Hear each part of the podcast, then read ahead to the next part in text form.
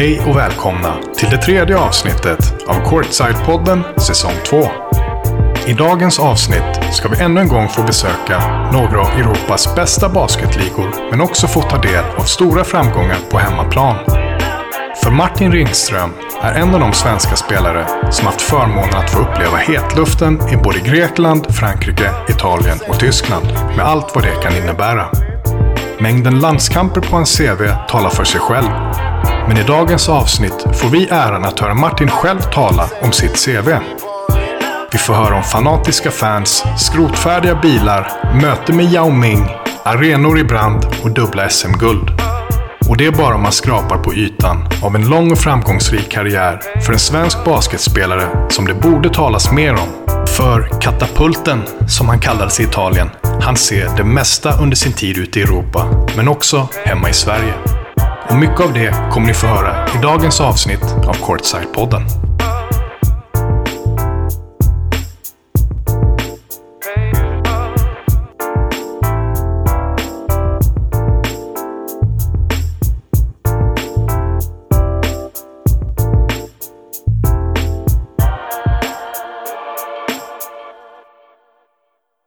Hej och välkommen till Courtside-podden. Mitt namn är Fredrik Engström och eh, alldeles strax ska ni få stifta bekantskap med eh, Martin Ringström. Men innan vi kör igång så skulle jag bara vilja tacka alla som har supportat vår podcast genom att köpa muggar eller t-shirts och att ni lyfter andra svenska basketspelare. Det är verkligen sjukt kul att se att det är sån bra respons numera. Och eh, jag hoppas att det fortsätter så, för det är, det är lite det som är själva grejen med den här podden, liksom att vi ska lyfta svenska spelare och ja, att det ska bli mer populärt med basket i Sverige. Hejsan Martin! Varmt välkommen till Courtside-podden. Tack så mycket. Jättekul att få vara med. Ja, det ska verkligen bli ett sant nöje att få lyssna på din historia och wrappa upp din basketkarriär. Ja, vad snäll du är. Jag hoppas Ja. det blir värt för alla. Ja, eh, du är född 1981 och uppväxt ungefär 6 kilometer öster om centrala Göteborg i stadsdelen Utby. Japp, stämmer bra. Där kommer även Miriam Bryant från, eller hur? Ja, några gator bort och även eh, Chris Sarapovic är några gator bort där. Så att, eh, Ah, det finns lite andra. det är där det händer alltså. Ja, lite så. Ja. Det är något i vattnet. Ja. Hur var det att växa upp där då? Nej, men lite eh, radhus, villaidyll, nära skog och berg. Så att, ja men lyxigt. Ja. Och uh, Utbynässkolan då? Ja, men eh, liten idyllisk. Kände de flesta redan och eh, som sagt det är ju gångavstånd till skolan eller cykelavstånd för de flesta. Så att eh, Ja. man lärde känna alla barn och lärare och sånt runt omkring och hade koll på liksom stora brorsor och syrror och sånt också. Mm. Eh, Minns du hur du kom i kontakt med basket från första början? Ja, eh, vi hade en basket-tokig eh, lärare, eh, Ja. Ulf Hane. Ulf Hane. Ja, som eh, coachade och tränade de, ett år äldre, alltså 80 Och jag var lång redan på den tiden så att Mm. eh, årskurs 3, 4 kanske någonting. Så Mm. frågade de om jag ville vara med och börja träna och det testade jag lite och så var det jäkligt roligt. Och sen så började vi starta ett eh, eget klasslag. Ja, okej. Och sen så blev det basket-eufori bland både killarna och tjejerna. Så att, eh, jag tror det var nästan alla i hela klassen som var med i de här Mhm. lagen. Då, så att, eh, jättekul gemenskap. Och då mötte ni lag från Göteborg då, eller? Ja, så vi var med i... Från början var det ju skol-SM eller DM och sådana Ah, saker. Och så vi mötte liksom andra skolor då. Mm. Och sen så var det många som fortsatte eh, i klubben i Kviberg då. Ja. Ett eh, killag och ett tjejlag där. Men Göteborg är ju annars en väletablerad handbollsstad. Och du har ju liksom både storleken och atleticismen för att kunna lyckas i den sporten. Var det något du provade som barn, eller? Ja, men jag gillar att testa. Mamma är idrottslärare på den tiden så att jag har, när jag inte var i hallen eller ute och eh, lekte eller testade idrott så fick man rätt mycket gratis därifrån och vara med och Mm. testade på. Så att eh, jag fastnade inte riktigt eh, för det. Men eh, jag gillar att idrotta. Okej. Fanns det några andra bollsporter som du testade då? Ja, mer träningsmässigt liksom. En förening så körde jag tennis. Ja. Och, och sen så var det rätt mycket rollerblades innebandy och fotboll. Körde också med Utbynäs här. Så att, eh, Mm. Okej. Men din moderklubb eh, Kviberg Basket. Det var ju Ulf Arne som var starka mannen där och några Mm. till. Så att eh, det var en, inte etablerad, alltså ingen storklubb så, men det var ändå ett etablerad förening. Ja. när vi började. Så att det var några bussar till olika turneringar och sånt som vi kunde åka iväg på. Så att det blev ju också en rolig tillhörighet att man lärde känna både äldre och yngre Ja, i större områden och inte bara liksom runt Ytpenässkolan. Utan, ja. Så det var häftigt. Ja, kul. Hur gick det till när du började spela i Huxbo sen då? Jag skulle se, känns som man är jättegammal när man försöker minnas tillbaka på allting. Mm. Nej, men vi eh, körde ju i seriespel så småningom där och då hade Högsbo två lag. Det var väldigt dominant även på den tiden och stor klubb. Ja, Och vi lyckades väl tvåla till båda lagen där. Ett i semi och ett i final om man säger då, i Mm. seriespelet. ja, Så att eh, det var en tuff utmanare. Och sen så blev det att många andra började sluta från klasslaget och liksom hoppa av basketen. Och ja. då började jag spela lite med Högsbo som farmavtal. Ja, Okej, så du, du körde på båda klubbarna ett tag också? Alltså. Ja, jag tror jag var med i något DM eller något SM och liksom testade på då liksom. Ja, okej. Och sen så gick jag över och började träna och körde med dem då. Mm. Det var rätt ju, nu började jag i, in i stan också då. Mm. Gymnasiet där så var det naturligt att man liksom kunde sticka till andra sidan stan och köra med Högsbo. Ja, pojkar 81 var ju ett riktigt bra lag. Ja, eh, vann eh, SM och kom tvåa i 80, 81 SM och Basketfestival, några stycken guld och Mm. ja, Skövde Cup och McDonalds Cup som det hette på den tiden. Sånt, Sankt Helena. Ja. Så att, ja, det var riktigt framgångsrikt. Där spelade du bland annat med Per Claesson och Chris Andersson och Fredrik Eriksson. Ja, stämmer bra. Hänger ni fortfarande eller? Nej, eh, många av basketvännerna har man ju varit väldigt nära, eller man är fortfarande väldigt nära, men det är inte många som jag umgås med tyvärr. Nej, okej. Men varje gång man träffas så är det man liksom som att man träffades förra veckan bara. Liksom. Det Ja. Tillbaka igen. Så att, eh, det är väldigt många goda vänner man har, fast kanske inte umgås med så ofta. Då. Nej, precis. Eh, Anders Hansson och Bosse Hultskär då? Hur, hur var det att ha dem som coacher? Nej, men de var, jag gillar coacher som eh, låter spelare ta, ta kommandot och liksom de väldigt duktiga båda två där. Och Mm. lät oss spelare vara med och påverka liksom, hur vi skulle spela försvar och anfallsspel. Och liksom, Mm. vi fick styra väldigt mycket så att jag tycker de gjorde ett väldigt bra jobb. Och Bosse var ju väldigt stark inom föreningen och varit med och byggt upp basketen här. Så att, eh, Mm. riktig idol. Ja, verkligen. Ehm, första året blev ni trea och sen andra året blev ni etta och sen tredje året så blev ni tvåa. Men du blev ändå MVP och ni blev besegrade av Stockholm Capitals. Det måste ändå varit ganska häftigt att bli MVP fast man var i förlorande laget, eller vad säger du? Ja, just då var det ju surt att förlora guldet så att eh, uh, vinnarskalle som jag är så stod jag nog och uh, surade över att vi knappt förlorade. Men så här i efterhand eller några år tillbaka när man förstod och mognade lite så som, som du säger att det brukar vara en given pris till vinnande laget. Så att det var Ja. rätt stort eh, att få det även om vi förlorade. Ja, och de hade ju ett riktigt bra lag också med Peter Bogner och Per Hultman Boye och Adam Alexander och ja, flera grymma spelare som sen gick upp i ligan, eller hur? Ja, jag tror de spelade redan i ligan, i alla fall tränade med ligalaget, så att eh, det var riktigt häftigt att få möta. Det var ju många, 81-laget och så var några 80 då, och spelade då 81-80. Ja, Så egentligen var det ju ett år äldre vi spelade mot då, okej. Mm. ligaspelare då. Men andra året så blev ni som sagt etta. Hur kändes det att vara bäst i Sverige då? Nej, men det är en otrolig känsla. Eh, vinna allt bäst och återigen, eh, ung och naiv så tänkte man att det, det är sånt som alla gör. Det var så självklart att vi skulle vinna och när vi vann så var man ju rätt mallig. Men så här i efterhand så har man ju inte så många guld utan det är ju stunder som man verkligen eh, håller högt och Mm. fantastisk händelse att få dela liksom med sina bästa kamrater och coacher och föräldrar och allting. Så att, eh, Ja. ja, det är häftigt. Du var ju en av de mest lovande spelarna i landet av 81-kullen och blev kallad till juniorlandslaget ganska tidigt. Minns du liksom hur det var när du fick din första kallelse? Ja, jag ryser nu här för att det är ju liksom någonting man drömmer om att få liksom representera landslaget och framförallt så var det inte så naturligt, i alla fall inte hos mig, att man liksom förstod ungdomslandslagen och vilka som var med och sånt. Det var lite hackigt i början där med olika årskurser och de hoppade Mm. över några år och sånt. Så att det var riktigt häftigt att få verkligen komma ihop och ta på sig landslagsträningsstället och få träna och spela med de bästa Ja. i Sverige och sen åka liksom på och spela matcher och sånt. Det var ja, det är minnen för livet.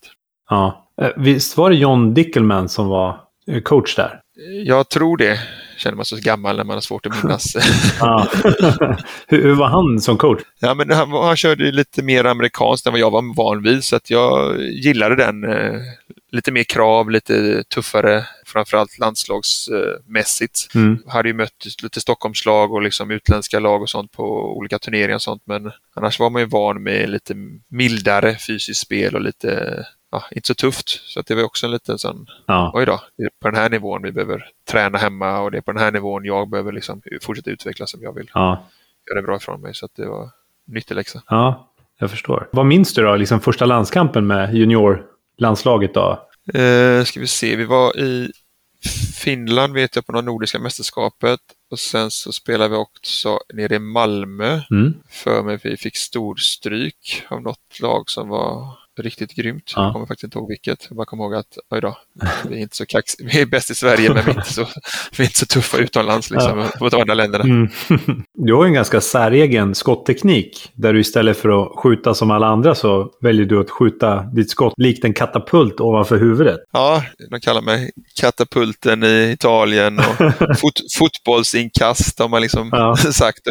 Det stämmer väldigt bra. Ja, Jag sköt nog mer som alla andra i början där när jag började spela basket och lärde mig liksom hur man skulle göra. Det var mycket teknikträningar på den tiden liksom i filosofin och träningsläran. Mm. Och sen så kom jag till Högsbo och jag hade spelat guard i Kviberg och hela tiden och då var jag ju bland de längsta ja, i Högsbo. Då var det så, men guards, det var jättemånga duktiga guards så vi behöver långa under korgen. ja, Eh, Och då fick jag lära mig att men, håll upp bollen och så skjuter du under korgen liksom högt upp så ingen kan blocka dig. Ja. Och sen på något sätt så fastnade det. så att då sköt jag ju liksom ovanför huvudet även när jag gick utanför tre sekunder och sen så från tre poäng så småningom. Och Ja. För att få kraft då så var jag tvungen att köra liksom, ladda bakom nacken och Ja. kasta iväg den.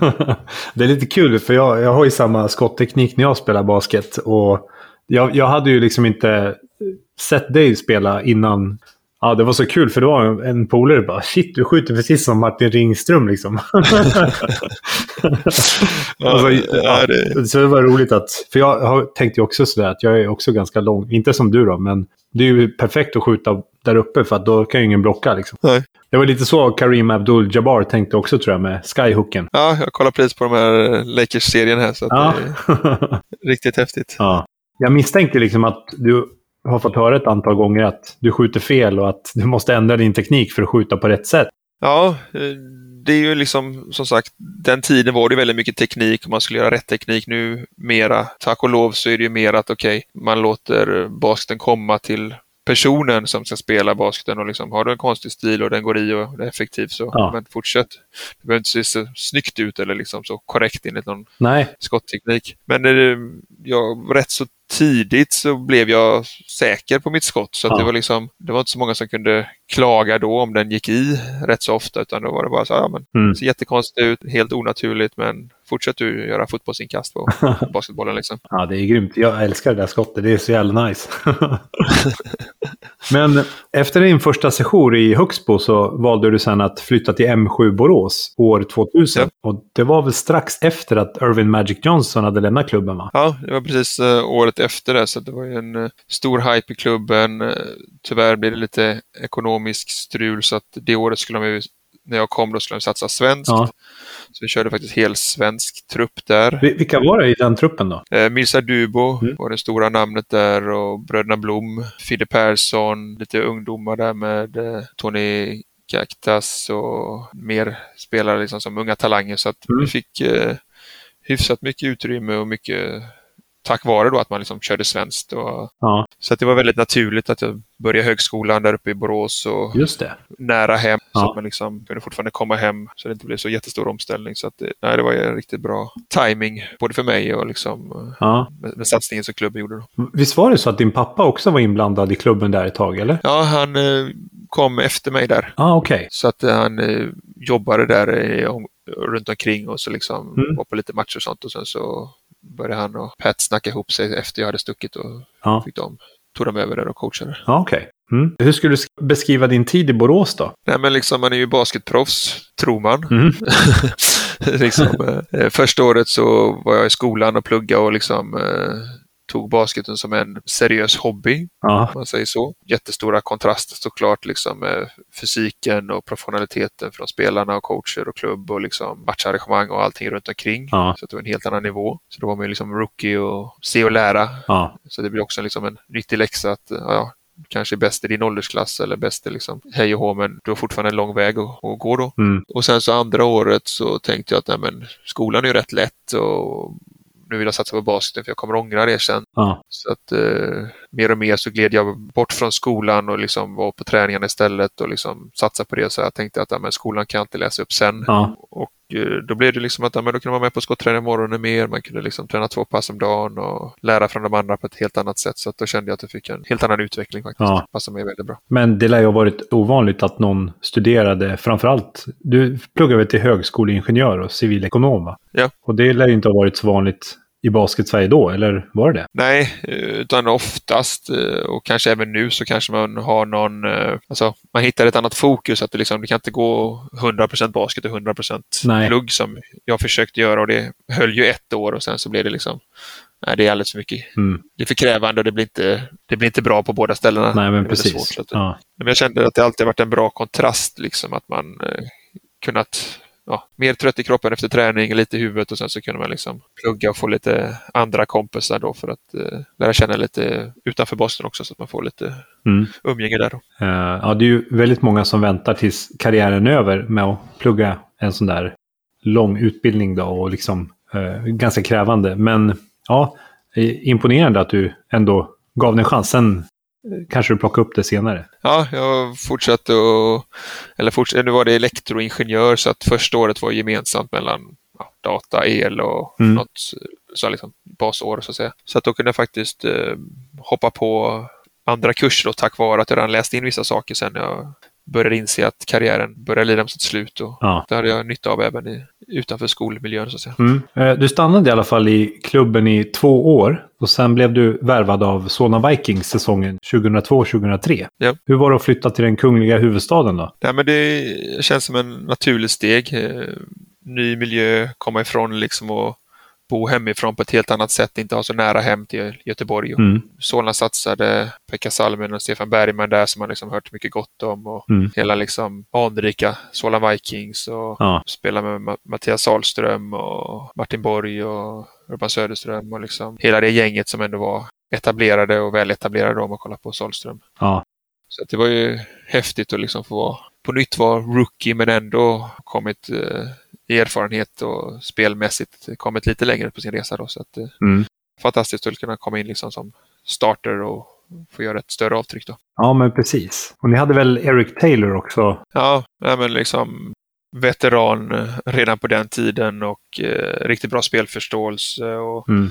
framförallt eh, lagspelare då så att eh, behövdes det poäng gjorde han poäng. Ja. Men annars liksom levde han för att göra assist och göra oss bättre så att eh, nej, riktigt eh, grym pointguard. Vad fick du för intryck då, liksom, av Solna Vikings som klubb? Ja, nej men det är ju liksom basketen är ju inte alls på den nivån som liksom, fotboll eller kanske andra idrotter utan även om det är en stor klubb om man nu säger så så det var ju fortfarande Marklund och Kribba och, Mm. och gänget som liksom gjorde väldigt mycket operativt Ja. själva. Liksom. Så var det någon som skulle flytta, ja men då kom ju hela styrelsen och hjälpte till att flytta tillsammans med spelarna och sånt. Så att eh, det var väldigt eh, jordnära och nära till liksom alla. Efter träningen, under träningen så liksom var Kribba där och Marklund var där och liksom Mm. så det var inte alls någon hierarki eller liksom bara för att det var ansvariga i klubben. Mm.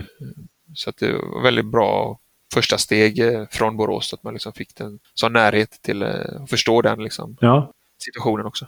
Kom ni bra överens och sådär och satt kemin redan från början? Ja, eh, otroligt sköna killar i laget och Pekka och Stefan liksom var klockrena och både värvningsmässigt och liksom få ihop kemin och eh, det blir ju också väldigt lätt när man har Erik Taylor och Mm. Mattias Sahlström som verkligen är för lagspel och lagbasket. Det är liksom inga fixstjärnor som ska göra 40 poäng själva och laget förlorar utan båda de var där och övriga var där för att vinna.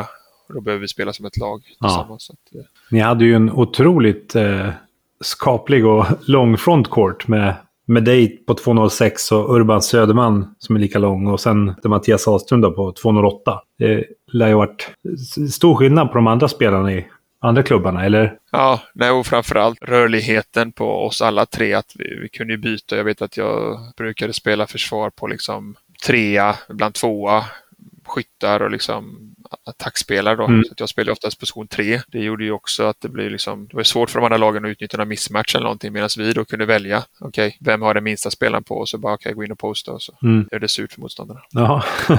Vad minns du från den här säsongen då? Nej, men ett helt eh, annat liv.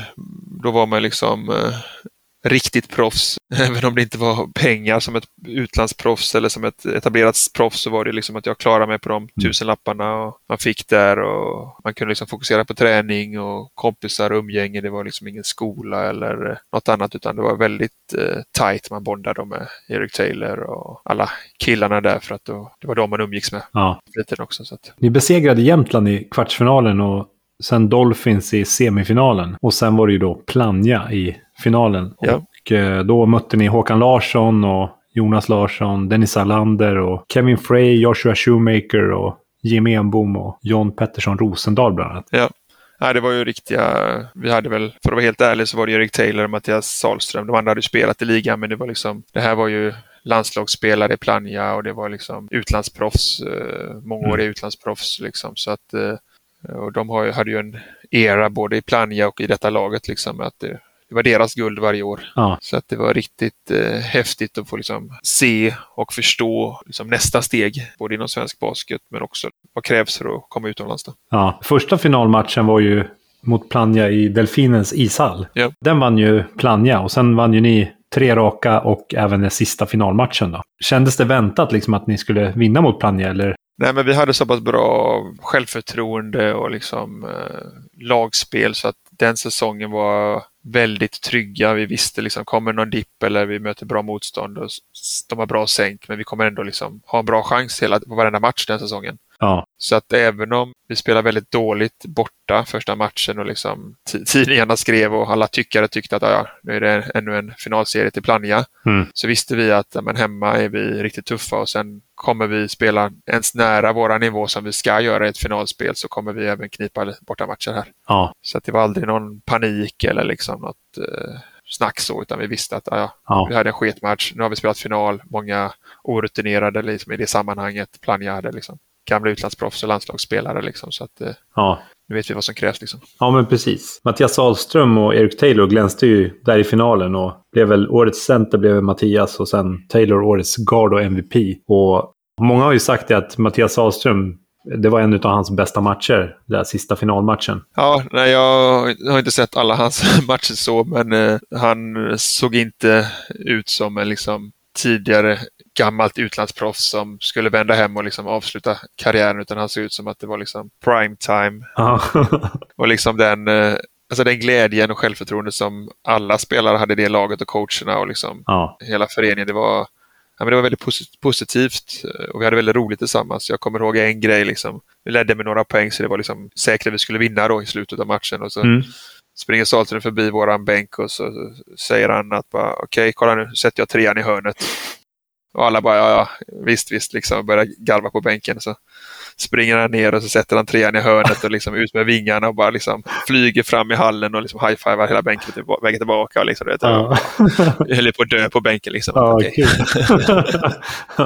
han var verkligen i sitt esse där alltså. Ja, nej, men eh, det är ju liksom, man minns man ju bara de roliga, häftiga stunderna men eh, mm. självklart har det mycket tufft och det var liksom slitsamt och träningar och liksom mm. fys och sånt så att, som det alltid är. Men sen när man blickar tillbaka så minns man ju bara de häftiga grejerna. Ja, det blev i alla fall Solnas första guld sedan 1989 och totalt deras fjärde på här sidan. Hur kändes det? Nej, men återigen, ryser. Det är så självklart när man är ung och liksom på väg uppåt och man har en liksom, man är odödlig och man liksom ska bli proffs och man ska bli i landslaget. Det är liksom ett steg på vägen i karriären men återigen, ja. blickar man tillbaka, det är bara ett lag varje år som vinner. Man ska vara jäkligt stolt ens komma till slutspel och sen liksom varje runda man vinner så liksom är ytterligare färre spelare som har varit där och färre coacher. Så att, eh, mm. nej, väldigt häftigt att ha det guldet. Mm. Känslan efteråt och känslan nu när man tänker tillbaka på se matcher eller prata. Liksom. Det ja. kommer väldigt snabbt tillbaka den här glädjen och euforin och mm. ja, det är otroligt. Har du lyckats få tag i något av, någon av finalmatcherna där? Nej, det var lite, jag hittade ju någon där och så tänkte jag, fasiken, det kan ju inte hitta den som det har spelat sämst och där vi torskar första, vi måste få reda på de riktiga matcherna sen. Så att, men jag hoppas att det är liksom någon eh, Kribba höll jag på att säga, eller Marklund eller Kjellman eller liksom någon annan ja. basket eh, som hade något band eller liksom förbundet eller någonting. För att det... Ja, det, det skulle vara skitkul att se. Alltså, vi har ju lagt upp några matcher där på YouTube och det är jättemånga som har skrivit till oss och tackat skitmycket för det. Liksom att få se de här gamla spelarna, hur, hur de faktiskt var i sin prime och sådär. Ja, nej, men det saknas. Eh, nu har ju förbundet hållit på att börja också lägga upp lite landskamper och mm. sånt. Så att, eh, nej, men det, jag vet inte, man känner sig gammal när man kollar, kollar tillbaka och så liksom VHS-band och liksom, mm. det var inte online någonting utan man, liksom, ja. man kopierar och VHS-band med varandra och liksom senare CD-skivor och DVD-spelare och sånt. Så liksom. ja. Hoppas att det går att få tag i på något sätt. Ja. Jag vet inte om SVT sände. Nej, det har jag dålig koll på just det året. Eller om de var på plats och gjorde intervjuer. Många liksom, år har de ju sänt finalerna. Ja. Eh, men där vet jag faktiskt inte. Men om någon som lyssnar på den här podden sitter på någon av matcherna där 2003 eh, så får ni jättegärna höra av er till oss så kan vi föreviga det och lägga upp på YouTube. Ja, det vore underbart. Får man se ja. om det minnet stämmer med hur, hur duktig man var. Men du, det var inte jättevanligt med svenska professionella basketspelare i Europa under din uppväxt. Förstod du liksom redan när du bodde i Göteborg att basket kan vara något som man kan livnära sig på? Eller växte det fram under tiden i M7 och Solna? Nej, men vi hade ju New Wave och Casher eh, mm. på den tiden som jag gick runt och som vi kollade matcher på här när man var yngre. Så att man förstod ju liksom att aha, man kan bli proffs i Sverige, man kan spela i basketligan och så kan man spela liksom i college eller utlandsproffs. Så att, sen var det inte jättevanligt med liksom massa matcher på tv och online som det är nu, men Nej. då satt man ju bänkar liksom på NBA-finalerna och kolla de här Bulls och Michael Jordan och gänget liksom när de körde med Carl Malone och ja. Stockton där och ja, just det. spelade final varje år. Liksom. Ja.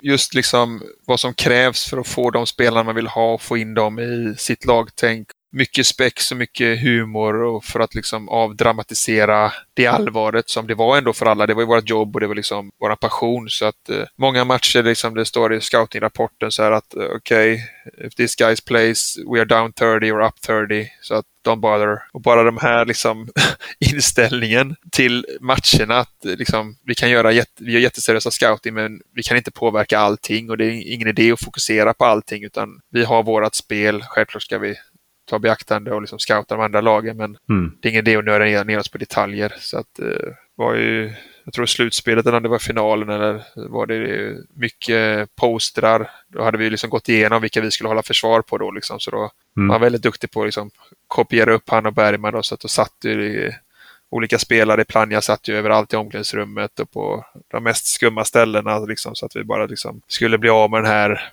känslan av att vi var liksom, många av oss var ju fan eller liksom eh, idoler till ju stora landslagsspelare som vi hade växt upp med och följer deras karriärer. Mm. Så det är inte den inställningen vi behöver utan vi behöver gå in med liksom kaxig nykomlingarna, nykomlingarna liksom som ska mm. bryta deras sweet och deras trend. Så att, eh, nej, det ja. funkar väldigt bra för laget att vi på så sätt, eh, ja, det är bara spelare, det är bara människor.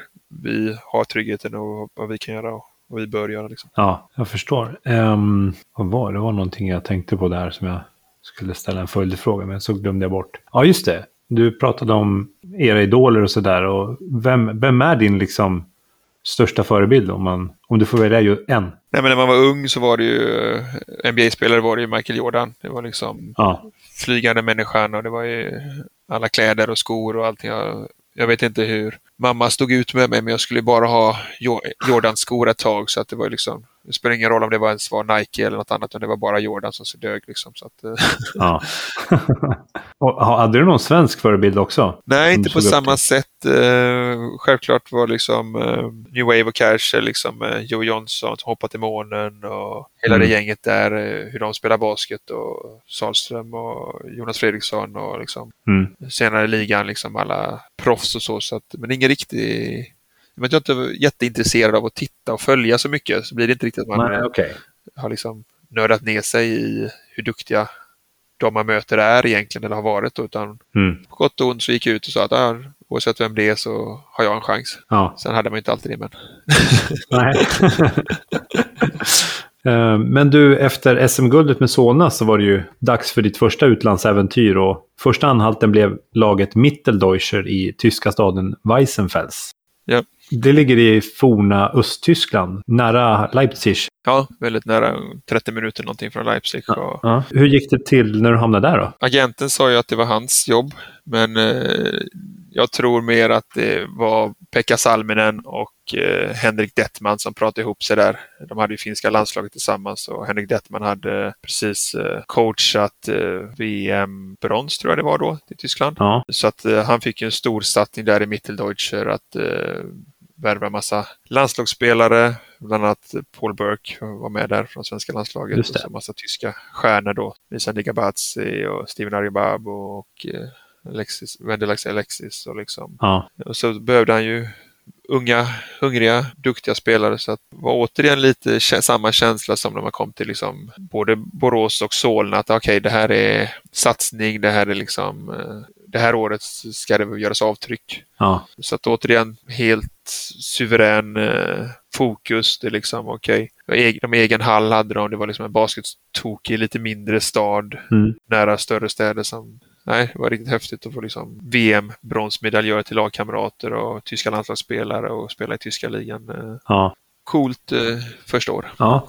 Eh, Adnan Shak var ju där året innan dig, men hade lämnat när du kom dit. Men som du sa så hade ju du landslagskollegan Paul Burke där. Ja. Hur var det att lira ihop med honom då? Nej, men de, som sagt, lite liknande spelstil som eh, Eric Taylor. Ja. Lugn, trygg, kan göra mål, men gillar att göra laget bättre, gillar att vinna, passa. Så att eh, Mm. på planen var det en otrolig trygghet, men ännu mer var det liksom en fantastisk stabil utanför planen liksom att eh, okej, mitt första rookieår ensamma i Tyskland, jag och dåvarande frun. Så att det var ju jättebra för mig och för oss att få den liksom tryggheten att liksom Mm. de kunde lära oss hur det funkar och stötta oss och Ja. käka middag hos varandra och liksom umgås så. så att, eh, Mm.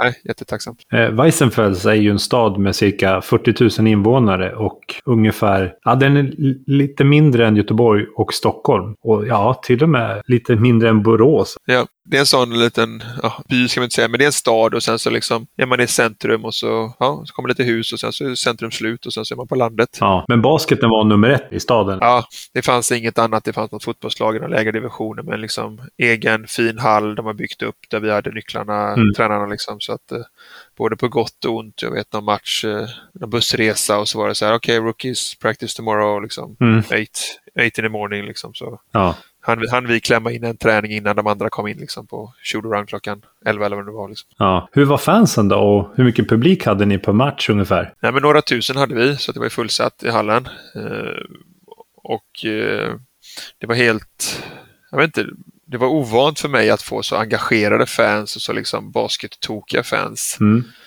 Eh, jag förstod väl först det när liksom, jag tror det var första dagen vi kom ner så var det liksom, var i affären och så kom de fram och frågade liksom vad är våran hund Ringo, hur han tyckte det var i Tyskland. Ja, Och då var det liksom fem pers som visste att vi hade hund och det visste namnet. Var liksom Ja. Tre pers visste namnet och helt plötsligt visste liksom hela Weissenfels om att, vi hade en, att Martin hade en hund och liksom vad han hette. Och liksom, så det var en väldigt sjuk liksom, kontrast mot att man är lite så här nobody hemma i Sverige och där var man liksom superstjärnan som spelar basket och mm. var proffs. Då, så att, eh, Jag misstänker att det blev en hel del autografskrivande. Ja, jag hade faktiskt eh, inte riktigt övat på det om man säger så. Så jag skrev ju fortfarande liksom mitt, mitt fullständiga namn då med Ja. Martin Ringström. Ja, Och så stod man ju där någon dag och så blev det lite slarvigare och slarvigare och helt plötsligt så har jag typ tre vågor eller fyra vågor som liksom mitt fullständiga autografnamn då. Så att, eh, ja, det fick man lära sig väldigt snabbt att det gick inte att skriva liksom ja, skrivstils eh, namn utan det, behöver- man behöver en snabb autograf där. ja. Hur, hur var deras merch-arsenal då? Nej, men det var lite första gången faktiskt som man blev påsatt på olika saker med ansikte och grejer. Så att Mm. eh, vi hade lite olika vykort och vi hade eh, någon sponsor som hade något eh, lastbilsmärke eller något liknande. Så vi har en eh, långtradare, höll jag på att säga, i miniatyrform med liksom Mm. logga och mitt, min kropp på. Så att, det var liksom häftigt. Det var, måste kännas helt sjukt liksom jämfört med Sverige. Ja, väldigt eh, overkligt liksom att aha, trycker de upp eh, några hundra leksakslastbilar som folk liksom köper och ska signera det och liksom Ja. samla på sig då en, en lastbil för varje spelare och har liksom på något sätt en prydnadshylla eller samlar. Men var det liksom att man supportade själva spelarna individuellt också då? Alltså typ om man köpte tröjor med typ dig eller någon annan. Liksom att, Ja, ja, ja, de hade ju tröjor med olika eh, namn och var liksom Mm. några som hade mig som favorit och ja. några andra som de andra spelarna. Så att det var väldigt eh, ja, konstigt som säger att liksom, jag kom ju precis hit. Jag har spelat några matcher och liksom, ni vet allt om mig. Ja, Lite skrämmande men också liksom fantastiskt härligt. ja, det märker vi lite när vi säljer våra merch. Att det är så här, man, man går ju gärna runt med så amerikanska basketspelare, men svenska, nej. Aldrig jag skulle ta på mig någon, någon som spelar i Sverige. Alltså, det är li, lite den viben i början. Nu börjar ju mer och mer liksom supporta och sådär, men man hade den känslan lite i början faktiskt att det är inte lika okej i Sverige att gå runt med någon annans namn på ryggen. Ja, men jag tror det är lite janteaktigt också, att liksom det här ja, statusgrejen att ja, ja, NBA-linnen är okej och liksom sådana saker. Men jag, tidigt gick jag ju runt Dels för att jag inte hade så mycket, eller brydde mig om att ha så mycket andra kläder, men eh, jag gick ju tidigt runt med mina egna Mm. linnen på sommaren. Iskall. Ja, det var det många som frågade liksom, "Ah, vart spelar han? I vilket NBA-lag spelar han? Liksom. Jag bara, Nej, det är jag. Jag spelar liksom i Tyskland förra året. ja. Men du, hur var stämningen i laget då? Nej, men vi hade, där var det lite mer stjärnor. Mm. Detman hade sitt triangelspel. Vi hade inte riktigt förstått det, utan det blev lite slitningar och den här dyra stjärnsatsningen gick inte alls bra i eh, ligan, utan vi hade många torskar där så att det är liksom möten och tuffare träningar och liksom ja, besvikna fans och styrelsemedlemmar och sponsorer och allting. Så att det var lite skakigare Mm. år. Det var väl första, så jag tror också man hade tagit något eh, optimistiskt eller liksom lite väl optimistiskt beslut att man eh, hade några sponsorer med stora optioner då som de kunde köpa på sig, Mm. betala mer pengar om. Men i och med att det gick så knackigt i tyska ligan och vi var bottenlag Ja. använde de inte de optionerna så att vi gick faktiskt i, det laget gick bankrutt om man säger så. Aha. Så de hade inga pengar. Okej. Så att eh, då stack eh, Wendel Alexis där, en av stjärnorna och eh, helt plötsligt så började vårt spel i Europa, där i Fiba Europe Cup, att fungera väldigt bra. Ja. Triangelspelet blev liksom, jag vet inte, kanske att vi hade mognat in i det eller liksom förstått varandra eller liksom helt enkelt bara Mm. gav upp egot och började spela som ett lag. Mm, Okej. Men hur var klubben som helhet då? Nej, men det är helt annan professionalitet. Borås och eh, Solna varit proffsiga så var det ändå liksom styrelsemedlemmarna och eh, ordförande och alla anställda som gjorde allt från att sätta ut eh, reklamskyltar Mm. till liksom att sitta i styrelserummet och bestämma saker. Medan här var det ju en helt annan ja, kår av anställda så det var ju liksom Ja. sponsoransvarig och det var ju fansansvariga och det var liksom matcharrangemang och Ja. anställda på kontoret. Ja. Helt annan eh, storlag då. Vad tror du är liksom anledningen till att det inte blir så där i Sverige då? Alltså vad, vad skulle man behöva göra här för att få den professionalismen? Jag tror att man behöver eh, jobba mer med företagen på ett annat sätt. Eh, jag vet att många av de klubbarna som lyckas med det i olika idrotter, de säljer ju inte en match eller eh, en liten skylt på väggen i hallen utan de går ju in med olika integrationsprojekt. De går in och liksom att okej, ni syns med oss i olika skolor, olika liksom mentorprogram, de olika coachgrejer och liksom aktiviteter med företagets anställda på ett Ah. helt annat sätt. Så att eh, i början tror jag i Boston så kollar man väldigt mycket på fotbollen och hockey och så bara okej, vi har inte 30 000 eller 40 000 på arenan, vi har inte liksom Mm. helsidor i tidningarna här, men vi ska ändå liksom sälja matchen som det stora. Mm. Så jag tror man behöver sälja liksom klubben och verksamheten för ungdomarna och barnen. Mm. Och sen får då företagen som bonus att ja, men det är lite match också med vårt eh, elitlag då. Ja, okej. Märkte du att det var så de gjorde i Tyskland eller tänker du att det är en svensk modell? Nej, men så, de har ju helt annat underlag i storklubbarna där, för där var det ju kanske liksom några tusen på läktarna och där var det ju tidningarna som skrev och det var det en annan hype liksom. Ja, då är det lättare att få sponsorerna liksom. Ja, då blir det liksom ja, enda laget i en hög liga. Det är klart, Mm. då är det basketstad liksom. Ja, just det. Men utomlands har man oftast har man liksom ett sjukhus som är klubbens sjukhus. Man har kanske något barnhem. Mm. Man har liksom skolorna som har helt annat närmare samarbete med samhället. Och det är oftast kommunen eller regionen är ofta stor sponsor till de olika idrotterna då, Mm. med loggor på. Men eh, du sa ju det tidigare här att eh, ni hade ju den finska landslagscoachen Henrik Detman. Han har ju slutat nu i finska landslaget. Ja. Men eh, han coachade ju bland annat tyska landslaget med superstjärnan Dirk Nowitzki i många år. Och hur var det att ha han som coach? Nej, men det är väl liksom, man har ju sett på hans resumé och sett på matcherna och liksom följt honom. Så att han var jättestor och är jättestor så att det var en jättestor respekt och stolthet och glädje att få ta del av, av hans basketkunskap, hänga och umgås med hans basketfilosofier och liksom Ja.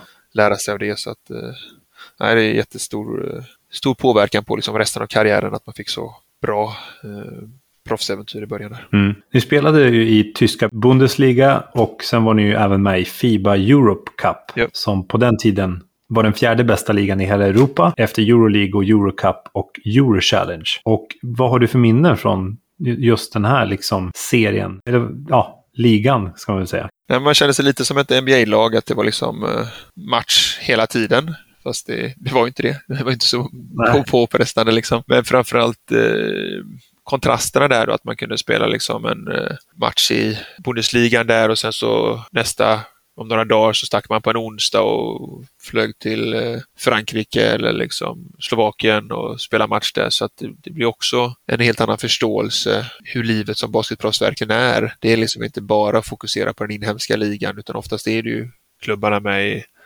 olika andra sammanhang och då har man också chansen att göra ett avtryck och liksom göra sig ett namn i andra länder fast man spelar tyska ligorna. Eh, Final Four av Eurocup var ju i staden eh, Izmir i Turkiet. Ja. Och ni spelade bland annat mot Dynamo Moskva i semifinalen som ni besegrade med 95-88 och sen fick ni möta det franska laget JDA Dijon Ja. i finalen. Och de besegrade ni också med 84-68. Det var också en sån sjuk historia, men eh, i och med att klubben inte hade pengar och eh, vi var bottenlag och klubben gick i konkurs så skulle Ja. man förlora den här ligalicensen då, i och med att man hade ekonomisk eh, skulder och så då. Mm. Så att på Final Four, Ben Alexis hade ju stuckit lite innan då när det blev att man inte kunde få sina pengar. Ja. Men resten stannar kvar då för att spela klart både säsongen och liksom Final Four och så. Ja. Eh, Så då hade, ska vi se, jag tror det var semifinalen. Skulle spela om det var fredag eller lördag, frukost. Så efter frukost var det en videogenomgång då och så var det en nyhet där de berättade för oss att det hade kommit ett fax på lördag morgon Mm. till eh, kansliet då i Tyskland, i Weissenfels, som var daterat till måndag morgon. Mhm. Så på något sätt hade någon faxat för tidigt eller då liksom inte lyckats ställa in den här faxen att okej, faxa inte nu utan skicka det på måndag morgon Ja. där det stod att vi tappar våran liksom, ligalicens, Oh. tyska ligan. Så då var det ju jäkla häftigt. ja. Mm.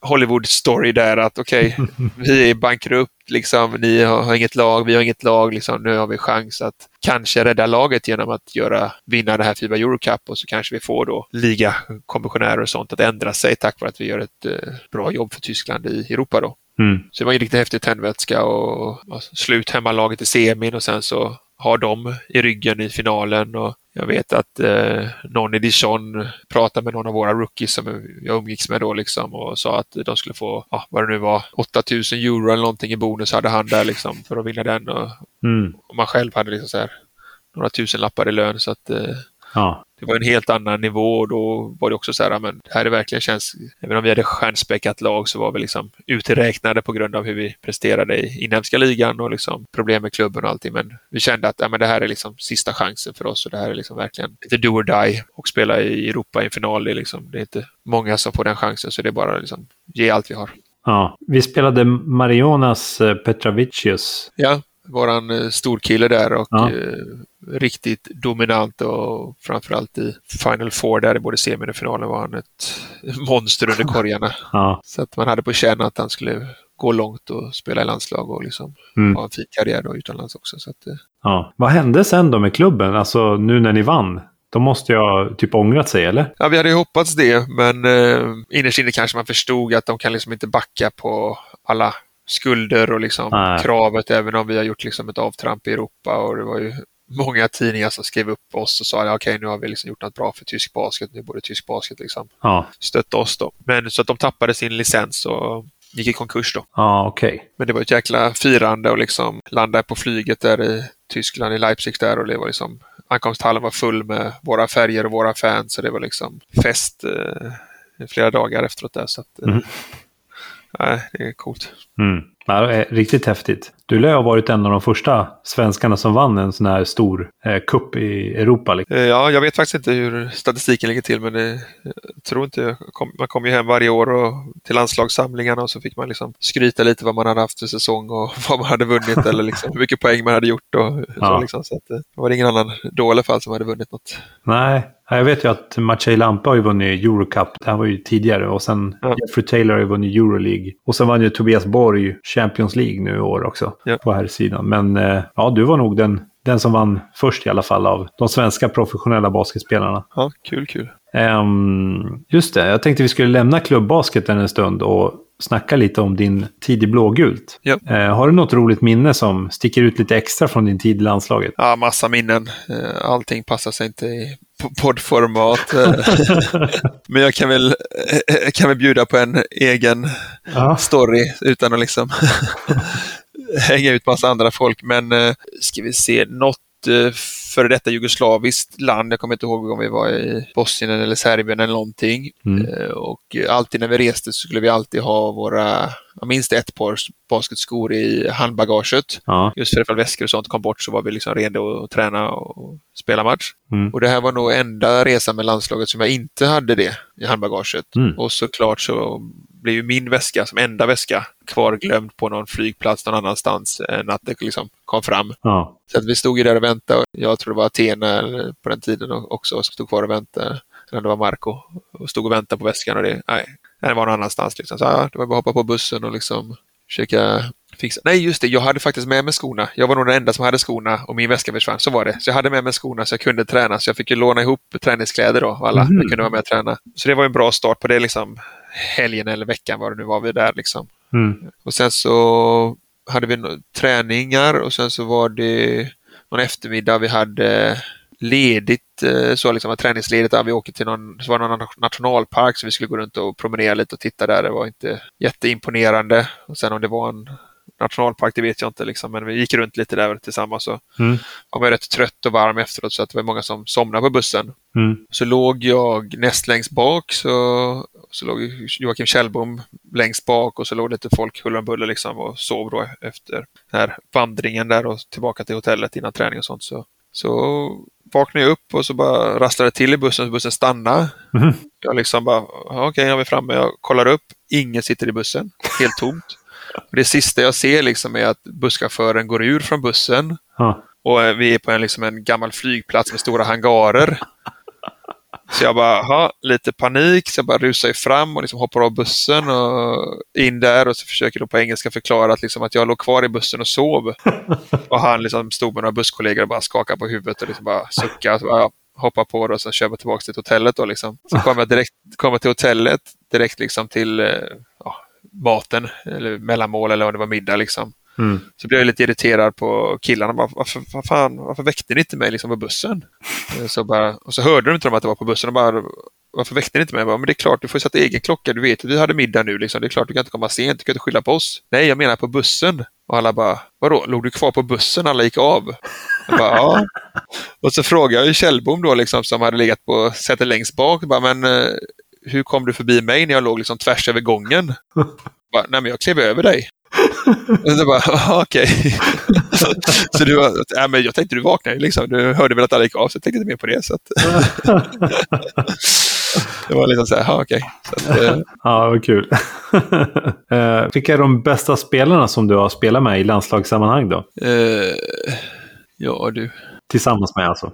Ja, tillsammans. Ja, men det är ju alla de här Mattias Ahlström och Jonas Larsson och Håkan Larsson och Fredrik Jonsén och Loman Amaka, hela det gänget. Och Ja. Sen är det ju de yngre liksom med Micke Lindqvist och Joakim Kjellbom och hela det gänget. Liksom. Mm. Mats Levin och Paul Burke och ja. Ja. Så jag hade turen att vara med rätt länge så att jag fick spela både med de äldre gardet där och även med lite personer i min egen ålder sen också. Då, så. ja. Vil- Vilka är de bästa spelarna du har mött då? Jaha, eh, jag har ju någon bild på två små pojkar och en fullvuxen man eh, som står och spelar basket. Och det är bara att det är jag och eh, John Rosendal som är de små pojkarna som har huvudet i Yao Mings armhåla. och våra, liksom, våra lår är hans vader. Så att eh, Yao Ming är en, var en gigant Ja. redan då. Ja. Sen eh, har vi mött ja, Tyskland då med Dirk Nowitzki och det gänget där och Mm. Ryssland, eh, Kirilenko. Mm. Kommer ihåg att det var liksom så här bara okej, ja, jag tror alla fick spela försvar på honom men det hjälpte ju inte liksom oavsett om vi gick stor kille eller liten kille eller liksom dubbla. Han var ju grym. Mm. Så att det är otroligt många. Jag eh, älskar basket, gillar, gillar att spela. Inte riktigt lika stort fan och har koll på spelare så, så att det var ju, de skrattade ju åt mig i alla lag jag spelat, även i landslaget när de liksom bara, "Ja, vi ska möta de här, han spelar ju där och han har vunnit det och du vet, hej och hå. Jag bara, "Ah, okej, ja, vem är det liksom? Så fick jag ju fråga flera gånger, typ coacherna säger så ja men eh, den spelarens namn säger de något och alla vet vem det är. Mm. Jag bara, vilket nummer har han? De bara, nej men det är ju han. Jag bara, ja, vilket nummer har han? Jag vet inte hur han ser ut liksom.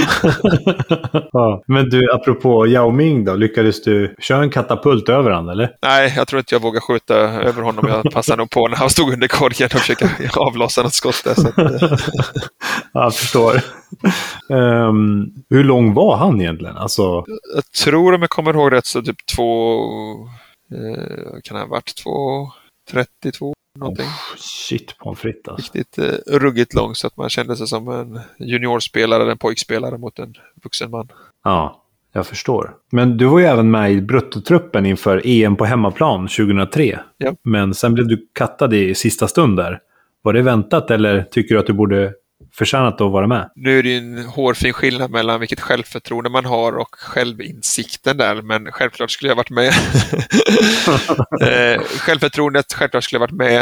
Eh, självinsikten säger väl att jag var en av de yngre spelarna, jag var en av de mindre rutinerade spelarna där, så att eh, det, jag var ju där för att liksom slåss om de sista platserna och liksom bänkspelare och Mm. kunna hjälpa till så, så att det var väl inte oväntat att jag blev kattad. Självklart besviken, bedrövad över det, men ingen, Ja. ingen succé så. Nej, okej. Så Du var ju med i EM-kvalet där, eller hur? Ja. Hur, hur var det då, liksom?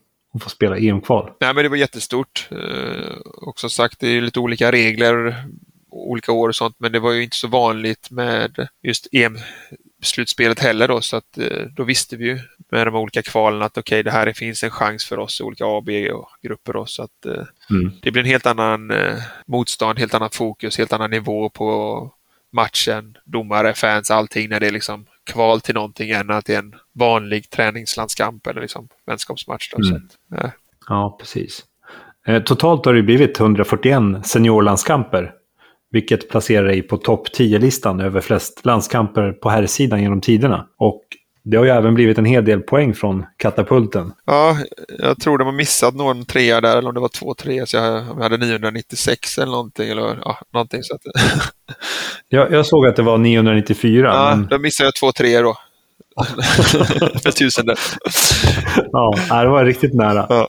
Nej, men det är självklart jättehäftigt. Eh, Som sagt, när man är uppe i det så är det så, det är så självklart. Det är liksom eh, högsta drömmen varje säsong att man liksom gör bra ifrån sig i klubblaget. Eh, man vinner den serien man spelar i och liksom kämpar om nytt kontrakt nästa år. Men landslaget har varit en stående guldsommar så att säga. Att även om man har fått offra väldigt mycket tid med familj och vänner så har det varit liksom målet varje säsong att okej, kom hem, en vecka sommarlov, börja träna, köra och så kommer landslagssommaren som drar igång just för att få spela med de bästa, träna med de bästa och liksom möta riktiga bra motstånd och få chans att göra ett ännu bättre namn i Europa. Då. Mm.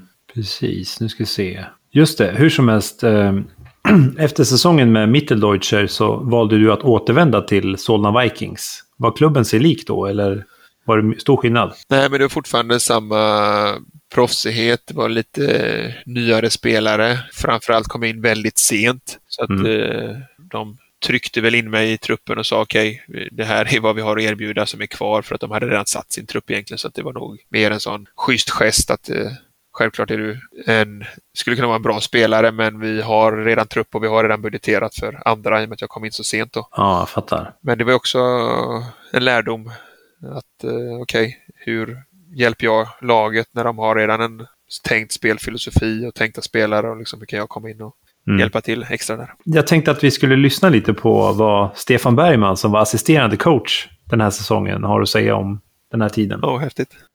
Ja. Stefan här. Eh, hoppas allt är bra och kul att du gästar Coachar-podden. Eh, vill bara säga vi hade grym tid tillsammans. Eh, mycket skoj och jäkligt hårda träningar. Eh, många minnen. Och jag hoppas du har en hel del minnen från tiden med tokiga Stefan och eh, framförallt tokiga Pekka. Eh, my- mycket bus, mycket skoj och eh, ja, säsongen var upp och ner. Vi, eh, ja, poliseskorter. Ja, vet gudarna vad som hände den där säsongen, det mesta. Eh, kanske inte bästa avslutningen, men eh, en eh, grym säsong och eh, ja, jag vet att vi var sjukt tuffa mot dig Martin, men eh, ja, det lönade sig i längden. Sen vill jag bara säga sjukt kul att du coachar och är jäkligt engagerad i basketen. Inget som jag såg då, men eh, sjukt stolt över att du tog det vidare och att du kör ditt race där nere nu och eh, bidrar med all din kunskap och erfarenhet. Så um, all lycka och um, ja, de tokiga storiesarna får väl, um, du får väl välja ut dem själv vilka du vill berätta och inte berätta. Men ja, det fanns ju en del under det där året i alla fall. Så um, all lycka och uh, ha det bäst. Ja, wow. Ja, nej, det värmer som sagt. Jag, men jag rös lite förut, man tänker på guldet så ryser man i hela kroppen och liksom, det är en otrolig känsla man hör Stefan där och eh, alla Mm. minnen. Ja. så att, eh, ja, är, man, har- man har varit med om så fantastiskt mycket och varje säsong är så pass intensiv att det ska du lyckas eh, så måste det bli som en familj. Mm. Du tillbringar så mycket tid tillsammans och det är inte alltid du klickar med alla och det är inte alltid du klickar med coacherna. Med liksom många klubbar, många lag blir väldigt, ja, vinner du så är alla jättetrevliga och det går bra och alla är lyckliga. Ja.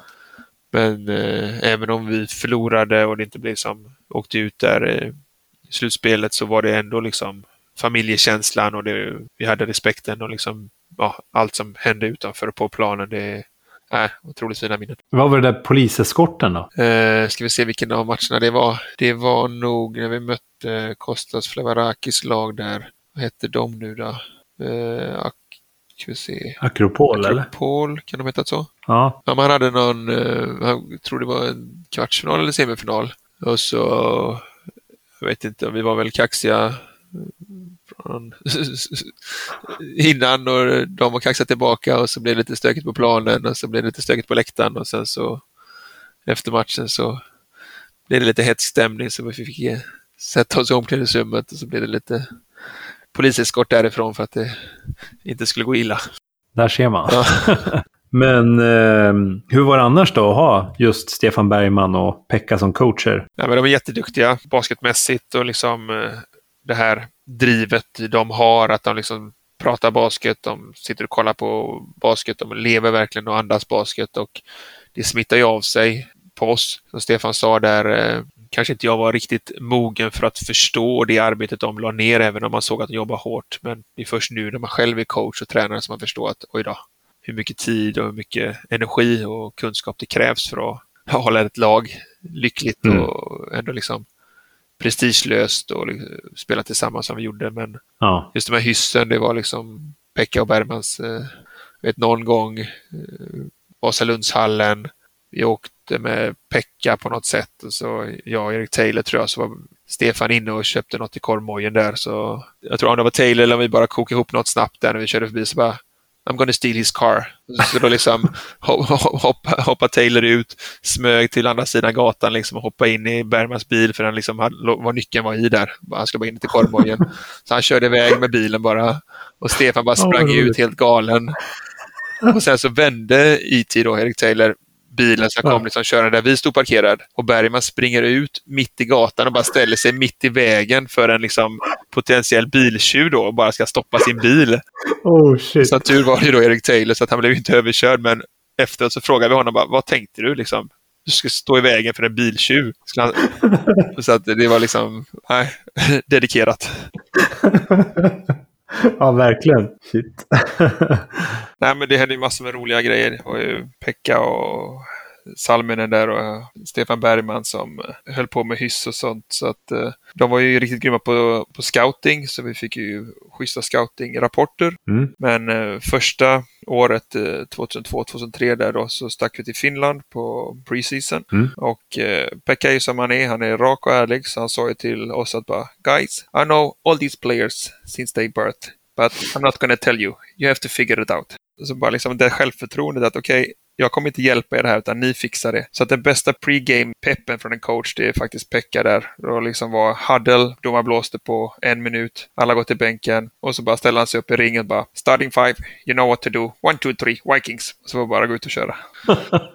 så det är liksom så där man bara, okej, i början var man ju nervös bara, vad fan, varför hjälper inte han oss? Men han hjälpte oss på så sätt att han, ja men ni klarar detta. Det är ni som, eh, jag har gjort er redo på träningarna. Ja. Ni som ska lösa det på match. Jag älskar sådana coacher och Ja. det har hänt mycket roligt med dem. Vi hade slutspelet till exempel, då var det lite mer scouting. Kom man in i omklädningsrummet, då var det liksom tapetserat på golvet, eh, starting femmorna på golvet, motståndarlaget. Så liksom när man gick in i omklädningsrummet så var det liksom oundvikligt att man inte trampar på de här stjärnorna i motståndarlaget just för att liksom få den här humoristiska saken att okej, det är ett slutspel, det är det viktigaste liksom för säsongen, det här har vi kämpat för.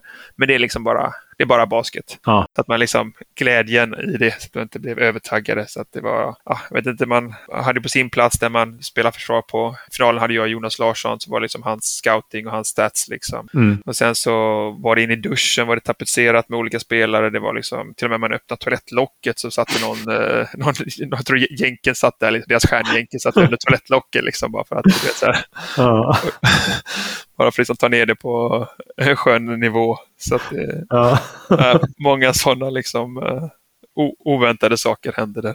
Vi hade en skön eh, med en eh, rookie eh, som en ung kille Ja. som inte var från Stockholm och så skulle komma och träna med oss. Eh, Och så fick han, eh, för att slippa betala hotell och sånt, så fick han bo i en eh, ledares lägenhet. Mm. Så ledaren hade liksom kollat, ja, vad vill du käka och fixat frukost och mat och allting så att det fanns liksom fixat så han inte behövde tänka på någonting. Ja. Så han fick ju nyckeln och sen så efter kvällsträningen så fick vi berättat i efterhand då liksom för att eh, han åkte hem, skulle låsa upp lägenheten med den nyckeln han hade. Men det var bara det att han hade fått en nyckel och lägenheten var låst med två nycklar. Ah. Så han kom ju inte in där vid tio på kvällen, kände ingen, hade inget telefonnummer till någon. Så att eh, iskall som han är, Big Guy var rätt också liksom. Man säger ju att Big Guy är lite slow men vi är rätt så smarta faktiskt. Ah. Eh, Så han bara traskade neråt och så det- hade han en polisstation i närheten där i Solna så att han traskade in där och sa som det var. De trodde Mm. att han var lite galen men eh, han köttade till sig en eh, sovbrits där i en fyllecell så han sov där över natten. och kom liksom till morgonträningen som ingenting hänt och bara liksom så här, ja, by the way, eh, så behöver jag en nyckel till här för att kunna sova hos dig. Ja. Och led- ledaren bara, vad, vad har du sovit då liksom? Nej, fyllecell hos polisen, men nu kör vi, nu tränar vi, kom igen. Lite sådär, ja, det var så jävla skön inställning. En annan sån resa med Solna var också bara liksom hur det kunde hända saker i bortamatch. Måste varit en Jämtland, Östersund. Mm. På väg hemåt efter matchen. Vintertid, snö, kallt, kolsvart som det kan vara ute på vägarna. Stanna till vid en liten sån här toalettbyggnad mitt ute i ingenstans. Och bara ja, hoppa av och pissa de som behövde det. Ja. Så alla ut där i snön och liksom lyset runt byggnaden där och snabbpissa bara. Mm. Alla fem, sex, sju vad det nu var som hoppade ut. Hoppade också in i bussen. Bussen åkte därifrån och så några somnade några, några kollade spela kort och så. Sen så några timmar senare när vi hoppade av i Solna så var jag bara så okej, kom igen, de som ska åka med mig hem och de som ska åka där och så, ja men du, vad fan, vad är den här killen? uh, ingen som vet. Nej men, han kanske ligger kvar i bussen och så kommer en annan rookie ut och bara, nej, han ligger inte kvar i bussen, jag har hans kudde här. Så att eh, jag trodde han låg, satt fram och spelade kort med er. Det blir lite panik, så bara, fasiken kan den här killen vara liksom? Ja. Och vi så bara, men då måste det ju vara, när vi var ute och pissade, måste han ha liksom på något sätt eh, inte hoppat på liksom. Så att vi ringde i telefonen, inget svar. Mm. Så till slut ringde vi liksom närmsta polisstation, så de skickade ut en patrull. Vi ringde någon bensinmack i närheten där liksom ute på, i vischan. Ja. Och så fick de en rapport tillbaka från polisen. Och de bara, ja, de har sett, de har sett någon kille gå utan jacka längs motorvägen här i snön. Men eh, han var inte kvar liksom. Så vi blev helt nojiga och tänkte vad fasiken ska vi göra? Ska vi ringa hem till föräldrarna och väcka dem mitt i natten klockan fyra på morgonen liksom och säga att eran son är liksom Ja. borttappad? Nej, vi chansar och åker hem till honom och kollar liksom. Kanske kommit hem på något sätt. Ja. Ringer på, bankar, till slut kommer han ner, gnuggar sömn i ögonen och bara vad, vad är det liksom? Vad, vad gör ni? Och vi blir ju asrädda, asarga, asglada. Det var liksom skön mix liksom. Ja. Så visade det sig bara att han var skön som han var. Liksom. Han hoppade ur. Istället för att stå ute och pissa så gick han in i den här toalettbyggnaden. Ja. När han kom tillbaka då hade bussen stuckit redan. Ja. Så han började gå där på vägen och så fick någon eh, lift då av någon sån här hyrbil. ja. Så att eh, han var ju hemma och låg och sov i sin säng och tänkte inte på att medla oss. Liksom. ja. Skönt slut ändå att han hade kommit hem. Ja, nej, men det var liksom så lätt det kan hända. Alltså, det var Mm. ga- galna saker. Liksom. Ja. Nej, det var en underbar tid i Solna. Mm. Men som sagt, du, du stannade ju inte hela säsongen i Solna utan du stack ju vidare till Frankrike och till Reims som spelar i franska högsta ligan de två sista månaderna av säsongen. Ja, eh, fick ett eh, skade-replacement-kontrakt där att de eh, Mm. tappade en kille och de ville hålla sig kvar. Och jag vet inte riktigt hur agenten lyckades med det, men från svenska basketligan utslagna i slutspel där, om det var kvartsfinal eller semi, bedrövande, Mm. till eh, inslängd i två månader i högsta ligan i Frankrike i Pro. Ja. Bara liksom, okej, nu kör vi. Så att det var verkligen en kontrast. Och, Ja, förstår. Var var det planen hela tiden att återvända till Europa så fort som möjligt när du skrev på för Solna? Ja, eller redan innan Solna. Jag hade ju egentligen ett tvåårskontrakt då med, mitt- med Weissenfels där. Men I och med att de, Mitteldeutsche, i och med att de gick i- konkurs då, så tappade jag det och därför Ja. försökte jag stanna liksom, och få se och liksom, "Nej, men jag ska spela utomlands, jag vill inte komma hem till Sverige. Nej. Så att eh, planen var hela tiden att försöka liksom, komma så långt som min kunskap räckte till och lite längre hela tiden. Så att, eh, Mm. det var ett bra skyltfönster att få spela i högsta ligan i Frankrike. Där. Ja, visst är det ju Reims man gör all champagne? Ja, eh, och eh, som sagt att jag, jag är inte så intresserad av basketnamn så hade jag inte koll på det. Nej. Så att eh, jag åkte ju ner och jag och dåvarande frun sa det, ja men det är bara två månader, jag kommer bo på lägenhetshotell, liksom, fokusera på basketen så Ja, ses vi sen liksom. Det var ingen idé att hon åkte med då. nej. Och så ringer hon, typ så så fort jag hunnit landa så ringer hon och så bara, vet du vart du är? Bara, ja, jag är på hotellrummet i Reims. Bara, ja, men vet du inte vilken stad det är? Jo, det är det här Reims, Reims, Reims liksom. Nej, men det är där de gör all champagne. Jag Ja. bara, aha, okej. Så Boka Veuve Clicquot, jag kommer nästa helg. ja. Så det var liksom ashäftigt. Så då var det liksom, när man fick upp ögonen och började kolla i stan, då var det ju alla de här champagnehusen. eh, Hela stan var ju full av dem och eh, underjordiska tunnlar Mm. överallt, liksom flera mil runt hela, runt hela stan. Så att, eh, Ja. Var Dom Perignon en av de största sponsorerna eller? nej, de hade varit ett storlag innan, både fotbollen och basketen, men sen så ändrade de reglerna om sponsring då, att inte alkoholföretagen eller tobaksföretagen fick sponsra längre. Ah, som i Sverige då? Ja, så då blev de från ett liksom, topplag och även bra lag i Europa. Åkte Ja. de ner till eh, liksom, bottenlag i eh, högsta ligan i Pro då. Ah, okej. Så att eh, Förstår. det är en stor skillnad för dem. Ja. Hur gick säsongen med laget då? Nej, men det gick bra. Vi klarade oss eh, kvar, eller jag räddade dem kvar. Jag vet inte. Nej, så att vi stannade kvar i Pro, vilket var liksom målet och eh, segern där. Så att, eh, det var också ett skön eh, lärdom eller nyttig lärdom att man behöver inte alltid vinna serien för att ha nått sitt mål utan det gäller liksom att hitta perspektiv och förstå att okej, det är det här klubben vi har, det är de här spelarna vi har, då är målet att, liksom att stanna kvar i högsta serien. Det är också en vinst om man ska fira lika mycket som att man har vunnit till exempel. Ja. Gissa att det blev en hel del bubbel på efterfesten. Ja, men det var ju många, eller utomlands är det ju alltid sådana här VIP-loger och firande efter matcherna Ja. och så där var det ju nytt champagnemärke varje, varje match som liksom stod och man hann knappt dricka första klunken kvar innan man liksom fick nå på nytt glas liksom fylla på igen. Liksom. Okej. Eh, du blev kvar i Frankrike i fyra säsonger där du sen spelade med fyra olika klubbar. Och nästa anhalt var Saint Antien. Ja. Eh, och det ligger ju nära Lyon. Hur gick det till när du skrev på för dem? Nej, men det är ju tack vare att jag visade framfötterna där i Reims året innan. Mm. Detta var mittenlag eh, satsande i Pro B i nivån under då. Ja. Så att eh, landslagssommar och skicka lite kassettband tror jag det fortfarande var på, VHS-band på den tiden. Fram och Mm. tillbaka, hade lite olika andra förslag också men kände att ja, men Frankrike var bra starting, position, gillade coachen, gillade sammansättningen. De var lite oroliga där för att jag skulle komma ner någon vecka eller två veckor innan första matchen. Så Mm. de var ju lite så här, "Ja, men kan, kan han komma ner tidigare? Nej, men han är med landslaget, jag är med landslaget liksom. Så att då testar de någon annan spelare och liksom, ja, men då kanske får tänka om lite för de var inte riktigt trygga med att jag skulle liksom utländsk eh, startingspelare skulle glida in liksom en vecka innan säsongen börjar då. Men Mm. det klickade inte aldrig, de hittade inte någon tillräckligt bra eller någon de var nöjda med då. Ja, så okej. att, eh, då signade jag med dem så att eh,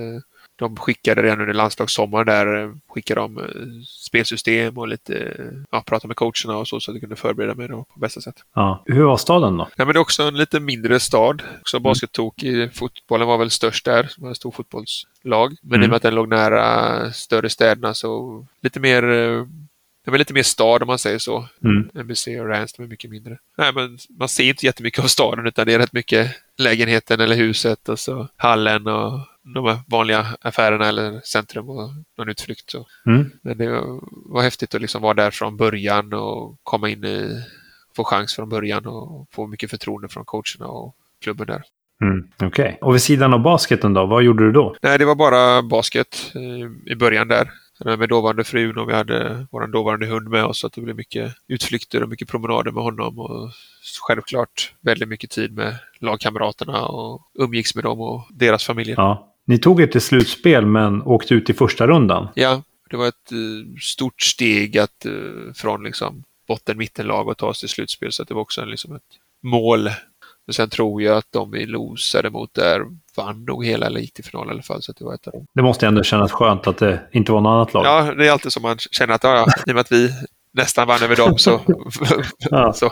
Jag misstänker att det blev en hel del besök också i Frankrikes tredje största stad, Lyon. Ja, det var ju... Man kom ju rätt snabbt. Kände igen liksom att sånt är en downtown. Så att shopping eller lediga dagar eller så, så var det ju Lyon man åkte till. Och Mm. lite nattklubbar och andra restaurangbesök och sånt så var det dit man begav sig. Så att, eh, väldigt vacker stad och jag gillar ju det här lite äldre och stenhus och tegelhus och liksom sådana, den eran.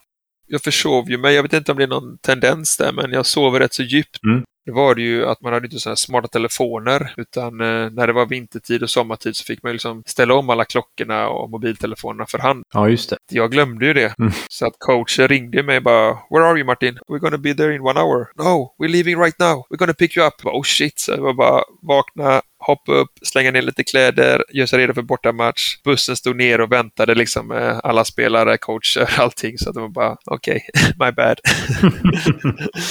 Jag hoppade på där liksom och skämdes rätt rejält. Jag fattar. Mycket bättre nu med telefonen, fixa det själv så man kan bara liksom Mm. Vakna efter vintertid. Alltså. Ja. Efter den här säsongen så blev det ju en flytt igen och då blev det till den gamla staden Vichy. En stad med många varma källor. Ja, Där har ju en annan göteborgare hållit till för något år sedan, nämligen Johan Löberg. Ja. Hur var det att bo där? Nej, men det var lite mer lyxigare stad, satt igen. Eh, Det var också en mer satsning på laget, det var en helt annan nivå på laget. Det här ville man eh, inte bara gå till slutspelet, utan man ville vinna. Så man har satt ihop eh, lag för att eh, vinna. Pro B då, Mm. som var näst högsta. Många stjärnspelare och många duktiga spelare som man vunnit i innan i olika ställen och satsat. Så att eh, otroligt häftig upplevelse med den uppbackningen som hela staden har då att okej, det här är vårt mål, vi ska upp till Pro med den här året. Mm. Det sägs ju att man ska dricka stadens vatten för att få en god hälsa. Hur smakar vattnet? Ja, de hade ju olika källor där och så kom jag ihåg något ställe mitt i stan där de hade de här olika bra vattengrejerna då så att någon var ju så här, ja, där fick man dricka ruttet ägg luktade i alla fall och där stod man dricka liksom kallt vatten och sen var det något ljumt saltvatten så det var liksom olika typer då liksom. Så det fanns någon förklaring att vad de hjälpte mot då att ja, här var de med bra för skelettet och någon annan var liksom för håravfall och någon var liksom för Mhm. nageltrång höll jag på att säga. Det var liksom bestämt. Du tog alla kurer, eller? jag tog all cocktail av allting där. Det var, ju... Nej, det, var inte, det var inte mycket man kunde dricka faktiskt. Det smakade illa, men det var säkert nyttigt. Eh, Tacka vet jag, svensk vatten alltså. Det är Det är riktigt schysst. Kranvattnet. Ja, kranvatten är överträffat. Ja. Är. Hur skulle du beskriva truppen då? Nej, men det var stjärnspäckat och vi var ju där handplockade för att eh, vinna. Mm. Så att Jamal Ball och Zach Moss och ja, många duktiga franska spelare Mm. och eh, utländska som hade redan gjort sig ett namn. Ja. Jag var väl lite mer eh, okänd i och med att jag bara spelat då liksom två månader i bra och eh, visat inte igen innan. Då. Ja. Hur, hur skulle du säga att nivån skilde sig då från franska andra ligan jämfört med svenska basketligan på den här tiden?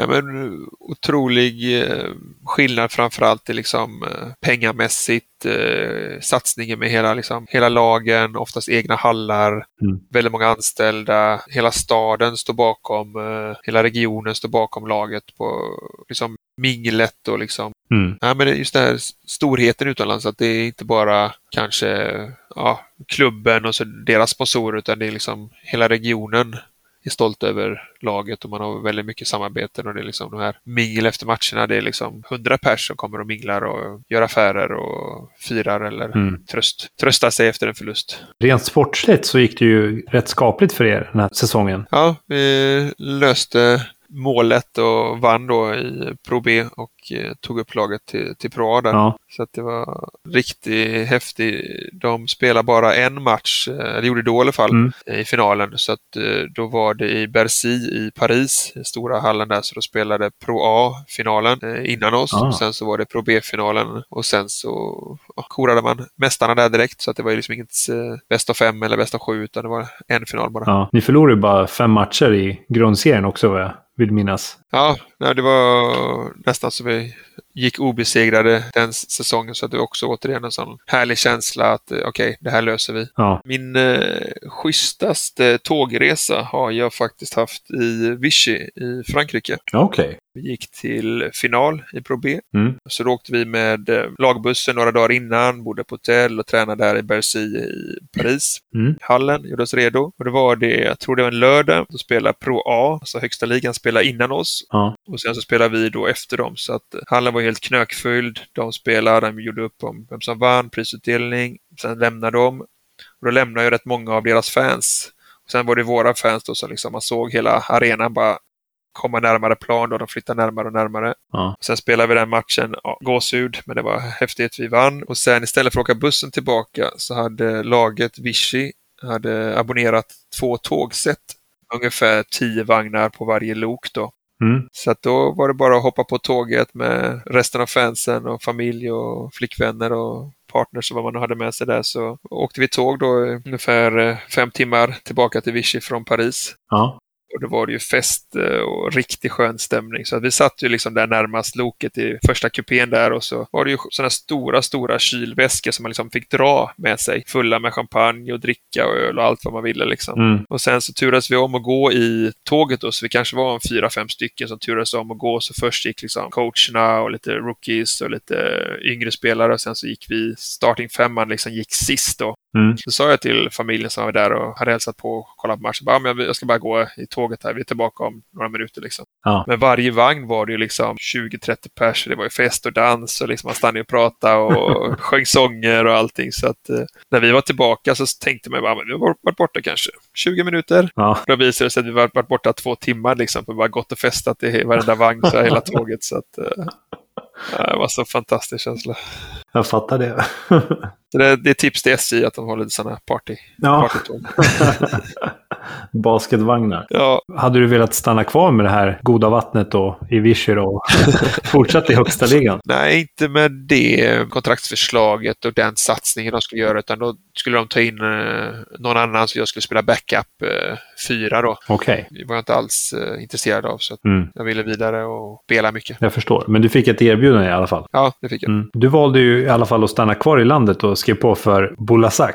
Ja. Som också är en liten by som ligger i sydvästra Frankrike. Vad var det som fick du att skriva på för just för det land, eh, laget? Nej, men det var bra satsning med, liksom, tog hand om helheten som många lag gör, att de förstod att eh, jag behövde spela mycket för att vara lycklig och eh, coachen förklarade liksom att de hade de här spelarna och vi skulle ha en chans att kunna komma till slutspel och eh, göra avtryck den säsongen. Mm. Det var jag intresserad av att vinna mer. Mm. Sen tyvärr var, gick det inte alls eh, som planerat där. Nej. Coachen kom inte överens med så många så det var lite Mm. turbulens och spelare byttes och coachen hade någon liksom, vann inte alls de matcherna vi skulle vinna enligt eh, klubben då. Så att lite krismöten och spelarmöten och coachmöten och Ja. jag vet att eh, coachen sa till mig och frågade mig varför jag inte gjorde 30 poäng och liksom spela en mot fem och gjorde, gjorde mål varje gång. Okej. Och det blir också en sån konstig kontrast. Liksom att, men jag har aldrig varit den spelaren, utan jag har varit lagspelare och gjort mål när det behövs. Jag har liksom aldrig varit en mot en eller en mot fem och så bara skjutit själv. Nej. Så det var ju lite miss från min sida att jag kanske inte, kanske inte pratat tillräckligt med coachen då. Utan jag bara liksom tyckte att ja, han ser att jag är en stjärna, jag Mm. var bra. Så det var något jag lärde mig där, att verkligen förstå hur coachen ser mig och fråga då coachen hur jag ska passa in i laget på ett annat sätt. För han har förväntat sig att det var liksom tre spelare som skulle göra 30 poäng var. Mm. Det var det som han tyckte var bra basket. Då. Mm. Du blev inte så långvarig som du var inne på och lämnade klubben redan vid jul. Ja. Eh, vad hände efter det? Kostas Flavarakis, där eh, Mm. landslagscoachen, har ju haft kontakt med under tidigare år också. Liksom, och säsongen när jag kände honom via landslaget där och även i Akropol där när vi förlorade Mm. Solna. Så att eh, han eh, hörde av sig igen under säsongen där och frågade lite hur det låg till och såg att statsen inte riktigt var där han tyckte att jag borde vara och Mm. om det är något strul med klubben eller liksom så. Mm. Jag sa ju som det var att det passar inte alls in i spelsystemet som coachen vill spela här nere så att eh, stack vi, ja, precis innan juluppehållet så stack jag till eh, PAOK i Thessaloniki. Mm. Från eh, Pro B i Frankrike till en situation som inte alls var bra för mig eller för laget till eh, högsta ligan i Grekland, vilket var också sån här rolig kontrastresa. Ja. Och eh, spelade första matchen efter någon vecka där det var grekiska kuppen tror jag. Så vi mötte eh, något av storlagen. Inte Ares kanske inte var. Panathinaikos och Olympiakos. Panathinaikos var det nog ja. Så vi mötte Panathinaikos där i grekiska kuppen hemma inför ja, 10, 12, 15 tusen och liksom tv-sänt i grekisk tv och jag hade en hyfsat bra match med ja, 10-12 poäng och returer och kunde liksom komma in som ny i laget och hjälpa Mm. till. Så att, eh, De hade skapligt stackat lag där alltså. Med Chauronas Jasikavicius och Vasilis Spaniolis var väl där också. Ja, det var ju grekiska landslaget i princip som hade det så att eh, det var inte så att vi hade en chans även om jag gjorde några poäng utan jag tog hem det rätt så komfortabelt eh, men ändå få möta de här grekiska landslagsspelarna och Mm. Euroleague finalvinnarna och allting så det var, ja, det var väldigt eh, roligt. Ja. Vilka var liksom de svåraste att möta i, i grekiska ligan tycker du då? Spelare? Ja, men det är många duktiga och många svåra. Svåra skulle jag säga i grekiska ligan, det är nog atmosfären och skillnaden då när man kommer från Sverige. Att det klappas lite och tjoas lite och hejas lite. Men där var det blodigt allvar. Mm. Så att eh, när de sa att de var, som i Sverige, om jag hejar på Solna Vikings eller jag hejar på Plannja Basket eller så. Men där var de Aris, där var de Pauk, där var de eh, Panathinaikos. Mm. Så att det var en helt annan mentalitet. Så att, eh, jag fattade nog inte det i början utan eh, vi var på en fotbollsmatch där. Mm. 40 000 eller vad det nu rymmer och så började det bölja liksom på en av kortsidorna att det började liksom vara någon slagsmål eller någonting. Man bara såg att det var så mycket folk så det bara liksom böljade fram och tillbaka. De började knuffa och slåss med varandra. Mm. Så frågade jag då bara, men okej, det slåss de med motståndarlaget nu? Deras fans då? Ja. Det bara, nej, det är sektionerna som slåss. De gillar inte varandra för... Och så bara, vänta nu, är det hemmalagets fans, alltså våra fans på fotbollen som slåss med varandra? Ja, ja, nej, men det är sektioner där de gillar inte alltid varandra liksom. Ja. Och så, ja, matchen avbröts och så spelarna sprang ut och så kom det in några hundra poliser, kravallpoliser. Och så från att det böljat från liksom vänster till höger så böljade ner mot plan. Mm. Och poliserna sprang ut med svansen mellan benen igen och så var de kompisar igen då, liksom de här sektionerna, Mm. Hemmafansen. och då visade det sig att det var bara tillåtet eh, i basket och fotbollen att ha hemmapublik på matcherna. Mm. Det var så pass stora kravaller innan de hade regeln att man fick ta med sig borta fansen fick komma till matcherna och det var knivmord och det var liksom förstörelse och kravaller så att då var det en regel att det bara hemmafansen som fick kolla på matcherna. Ja, det var en skrämmande känsla. Det är så pass blodigt allvar. Ja. Eh, Vi spelade Milos Teodosic i Olympiakos också det här året. Ja, ja de eh, Euroleague-spelarna hade man ju koll på. Många som var i guards där, men de var liksom i min längd. Ja. Så att, eh, ja, då fick man också lite så perspektiv att de ser korta ut på tv, men det är bara för att storkillarna är liksom 2,15 och 2,20 Ja. och så. Och de själva är 1,90 och 2 meter. Ja, hans passningar är ju helt sjuka alltså. Ja, jag vet inte riktigt när han ser att Nej.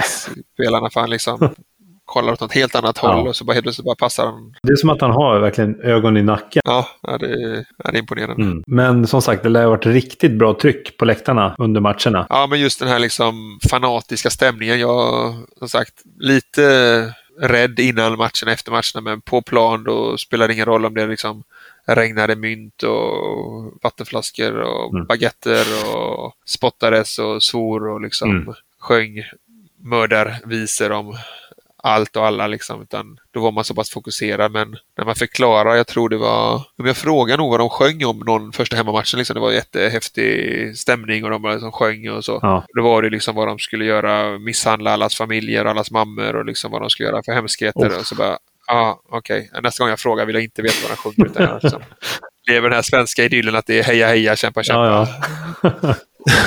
Hur mycket publik kan det ha varit på en match då? Alltså, Nej, men spelar vi hemma så hade vi ju 15 000 någonting i Oh. arenan. shit. Spelar vi i Aten där mot eh, Panathinaikos så fyllde de ju hallen. Ja. De hade ju lämpligt valt ut våran match då att fira något 100-årsjubileum tror jag. Mhm. Så då var det ju fullt i då Aten Olympia, Ja. olympiska arenan där liksom om det är 40 eller 45 eller vad Oh det my nu tar. god. Liksom. Shit. Och sen eh, enligt coachen på presskonferensen efteråt så var det bara spelarna som hade bestämt att de skulle fira 100-årsjubileumet med att göra 100 poäng. Mot ett av bottenlagen som vi var då. Ja. Så att de helplanspressar ju hela matchen. Så att jag, jag vet inte om det blev 140 eller alltså de hade 120 eller någonting mot våra 40-50 poäng. Det var, liksom, Ja. var inte ens nära liksom med Euroleague, Euroleague-finallag mot eh, oss som bottenlag. Där, så. Ja. Men du, alltså det måste ju ha varit det sjukaste du har varit med om. 40 000 på läktaren eller? Ja, nej, men det är liksom det är som en eh, match ut, liksom i stor fotbollsklubb eller en stor arena. Mm. Det är liksom, nej, det är helt annan värld. Ja, jag förstår det alltså. Men ehm, kom din lön i tid eller var det mycket strul med betalningar från klubben? Lön i Grekland, Ja. det får man inte. Nej, men eh, jag visste när jag pratade med Kostas Florak, han var ju öppen med mig och sa liksom att eh, vi har inte så mycket pengar, liksom, det är, löner är sena och det är många som har lämnat och sånt. Liksom, men eh, jag sa det att får jag inga pengar så jag, liksom, jag vill ändå spela högsta ligan i Grekland, det, det slår allt annars. Liksom. Ja. Så att, eh, det var ju väldigt mycket strul runt omkring. Eh, Jag vet att eh, första bilen jag skulle ha från, det var liksom, funkar knappt så liksom bara kom in eh, avgaser inomhus och liksom motorstopp och det var, så här, det var skrothög liksom. Så att den fick man ju Mm. be snällt att få en ny. Sen eh, jag höll på att bli vräkt från lägenheten som klubben hade fixat där för att eh, de hade inte betalt hyra och el och grejer. Oh, sen, liksom. sen så, många av stjärnorna hade avtal, även de andra lagen då, att de hade hälften av sin, sitt kontrakt var direkt med tv-bolagen. Mhm. Så de fick halva lönen direkt av tv-bolagen och sen så var det liksom halva lönen av själva klubben då. Okej. Och det var rätt mycket pengar också så att på så sätt så visste de att oavsett vad som händer här i Grekland med korruption eller lag eller någonting så kommer jag få jäkligt mycket pengar Ja. tv-bolagen då. Mm. Men jag vet att det var någon match efter vi hade inte fått betalt på två månader kanske. Mm. Så var det så här, ja, men nu, nu, och de lovar ju hela tiden att nu ska vi fixa så nu kommer sponsorn och du vet hej och. Och det är ju stora sponsorer de har, det är ju redarfamiljer och det är mycket pengar. Det är bara det att Korrupt. laget inte, ja det är korrupt och laget kanske inte presterar som de tryckte eller de Nej. kände inte för att betala de månaderna. Liksom. Det var inte så, kontrakt eller så, det var inte så noga. Liksom. Och jag, jag blev ju varnad av agenten innan också att ja, men, vi kommer inte kunna göra så mycket med Fiba och de här grejerna. De kommer liksom, man får inte pengarna i Grekland, är vissa länder som det känns som. Mm. Så att då var det liksom efter matchen, bara, men nu ska ni få era lön. Så stod alla spelare, jag starkt minne att stod liksom äntligen ska få lite pengar, stod utanför kansliet där, eller liksom kontoret då i hallen utanför efter matchen. Ja. Och så fick man gå in en och en och så fick man eh, pengar. Då hade de liksom högar på skrivbordet med 5 euros, 10 euros, 20 euros, 50 euros sedlar. Ja. Så de liksom då räknade ihop till stjärnorna som tjänade flera, liksom, flera tusen euro. Ja. Så fick de betalt då liksom 5 euro, 10 euro sedlar då. Mm. Och så fick jag min lilla pott där liksom. Men, och då frågade jag bara, men det här är inga riktiga pengar. De har inte fått detta av någon, liksom, någon sponsor. Och då visade det sig då, nej detta är pengar då från biljettintäkterna och försäljningen i hallen Ja. från matchen då.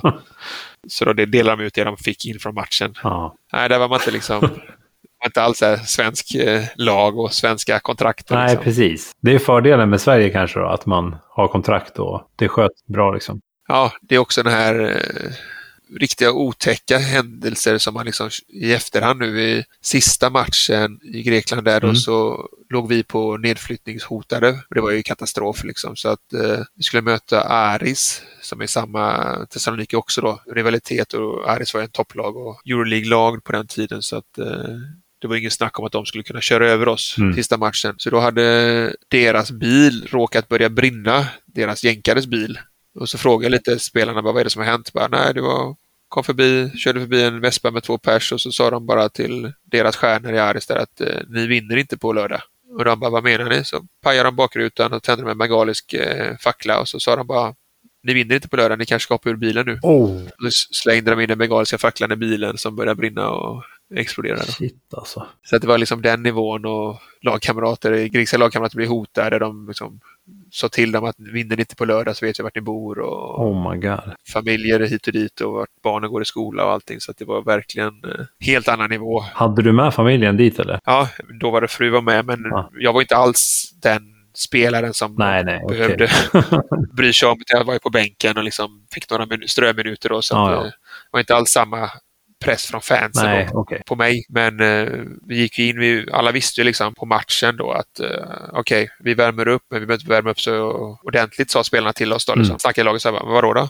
Nej, för de kommer vilja förskjuta matchen för att det är en annan match samtidigt. Så vinner då våran konkurrent i bottenstriden Mm. så kommer vi behöva vinna den här matchen. Men förlorar de den matchen så har vi inbördes på dem, så då kan vi också förlora och ändå eh, rädda oss kvar då i högsta Mhm. ligan. Så domaren liksom lite sp- spora, liksom gick in och bara låtsas kastade och båda lagen stod liksom så här, ja, vi vet vad som kommer hända. Domaren blåser, kastar upp bollen och så regnar det ner så här kvittorullar, toapapper, baguetter, kaffemuggar, bara allting bara. Så hela plan täcktes med kvittorullar. Så bara okej, gå och sätta oss på bänken igen. 20-30 pers liksom sopade och plockade och städade och rengjorde. Så gick det liksom en kvart någonting och sen så okej, vi gör ett nytt försök och så bara dit, och så bara regnade det igen. Typ en kvart, 20 minuter till städa. Så att det var ju fullt med där kvittor, pappersrullar och toapapper och kvittorullar i högar liksom längs långsidan Ja. då, mot fansens sida. Och så och hade det gått liksom en halvtimme, 40 minuter så att den andra matchen var igång så att då visste de liksom hela tiden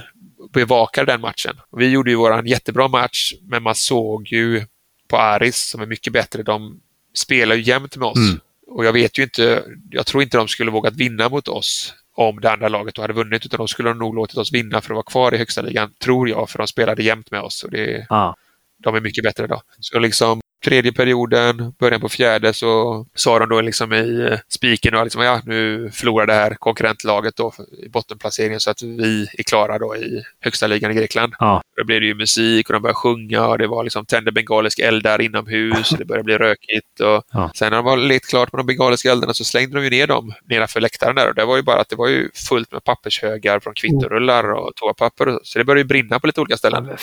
fan. Så där eh, avbröt vi matchen och vi gick ju bara, det är lugnt, de släcker det snart. 15 000 är smockad liksom och stod och satt i trappen och allting, men de sjöng och dansade och hoppade liksom. Mm. Det var ju bara det att brandsläckare och allting, det låg ju under alla de här kvittopapperna och toarullarna så att innan vakterna liksom hittade det så tog det ett tag. Ja. Så där, ingenting jag tänkte på då, men där sa mina föräldrar som var nere att där kände de en jäkla obehagskänsla för de var de enda i hela hallen Mm. som brydde sig om att det liksom var en fullsmockad hall Ja. där det började brinna inomhus och ingen annan brydde sig. Liksom.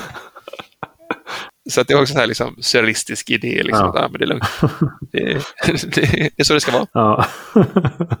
men du, hur tyckte du att Kostas fick ihop laget den här säsongen då? Nej, men det var jättemycket politik, eh, väldigt mycket spelare som gick och kom och så, men jag har alltid gillat eh, hans filosofi. Mm. Men eh, lagbygget fick han inte alls ihop. Det var mycket nya spelare hela tiden, så han, han blev ju bortbytt tror jag, så att, Ja. eller tog ett steg tillbaka, så det var någon ny coach Mm.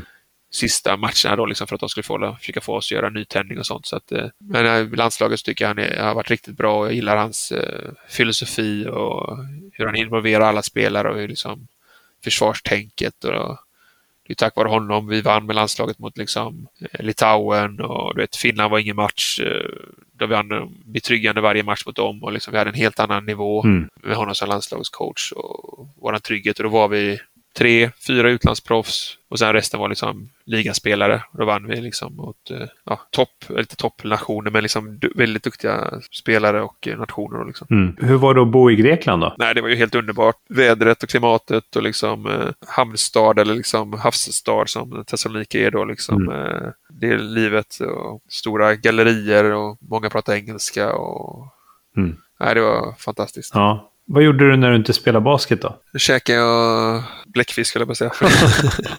Nej, men det var ju väldigt mycket träningar och matcher. Så att, eh, men jag hade ju nere föräldrarna och fick besök av eh, kompisar och vänner och sånt. Så att jag alltid haft turen att många har velat komma och hälsa på. Mm.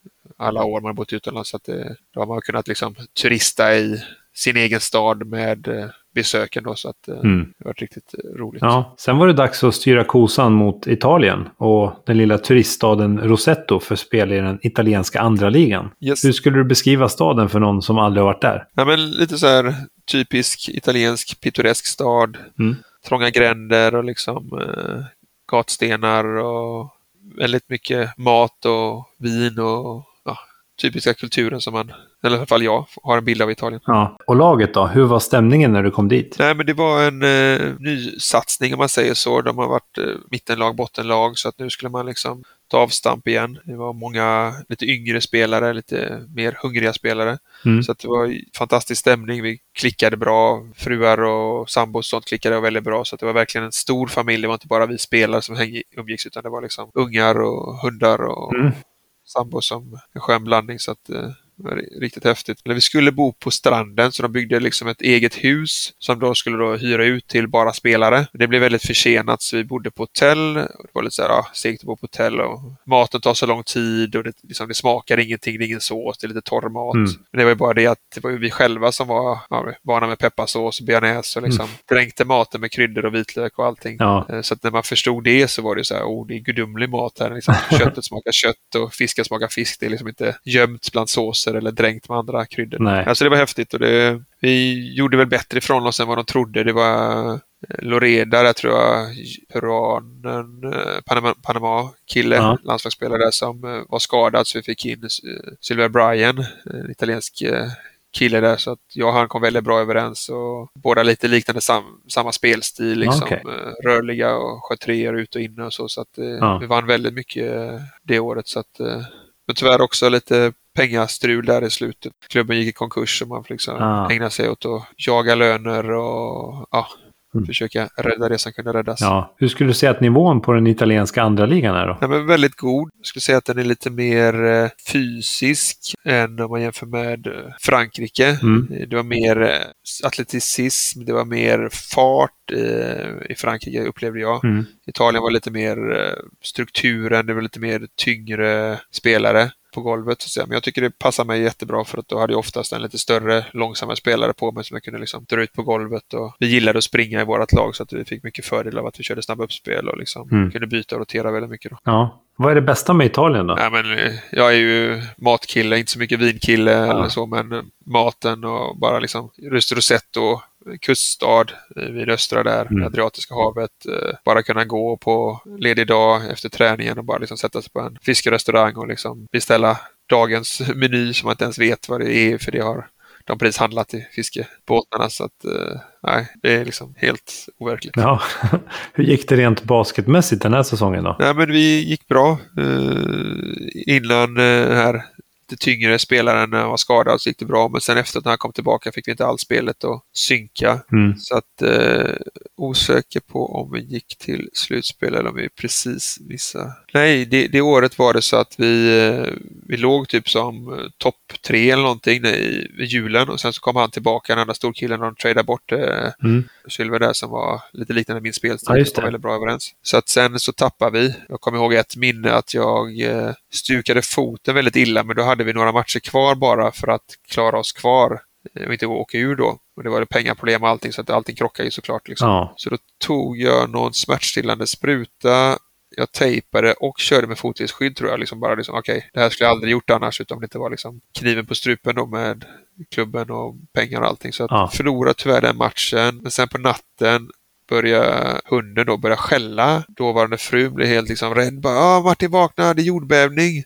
Jag liksom bara vaknar upp och så bara, nej, det är bara hunden som är galen liksom. Och så ser jag taklampan gungar, ser att galgarna gungar och sen känner jag liksom bara, det är jordbävning. Mm. Och så börjar alla öppna balkonger, fönster, liksom bara tutta post och liksom är allt bra, är alla okej okay, liksom. Ja, det var alla okej okay, var i kuststaden där då, men eh, Teramo och de äldre byarna uppe vid berget blev förödande Ja. förstörda och så visade det sig också att samtidigt så hade man fuskat väldigt mycket med cement och sånt så man hade valt sand från eh, stranden då som var salt i Mm. istället för att riktig sand och sten och blandat ut och gjort riktig cement. Så att det var väldigt mycket av de nyare husen som liksom dödade massvis med människor där. Så att det blev väldigt, eh, ja, perspektivet förändrades väldigt mycket för, för oss och hela staden och liksom att ja, det är idrott, vi ska spela match men nu behöver vi hjälpa de här drabbade och samla in pengar och behöver liksom, eh, ja, körde uppvisningsmatcher och liksom prata med barn och sånt. Så att det, Ja. blev, Ja, gud vad ja, hemskt. det blev allvar på något sätt. Ja. ja, vilken tragedi alltså. Shit. Ja, och då visste vi inte riktigt att det var så allvarligt för att vi, som kuststaden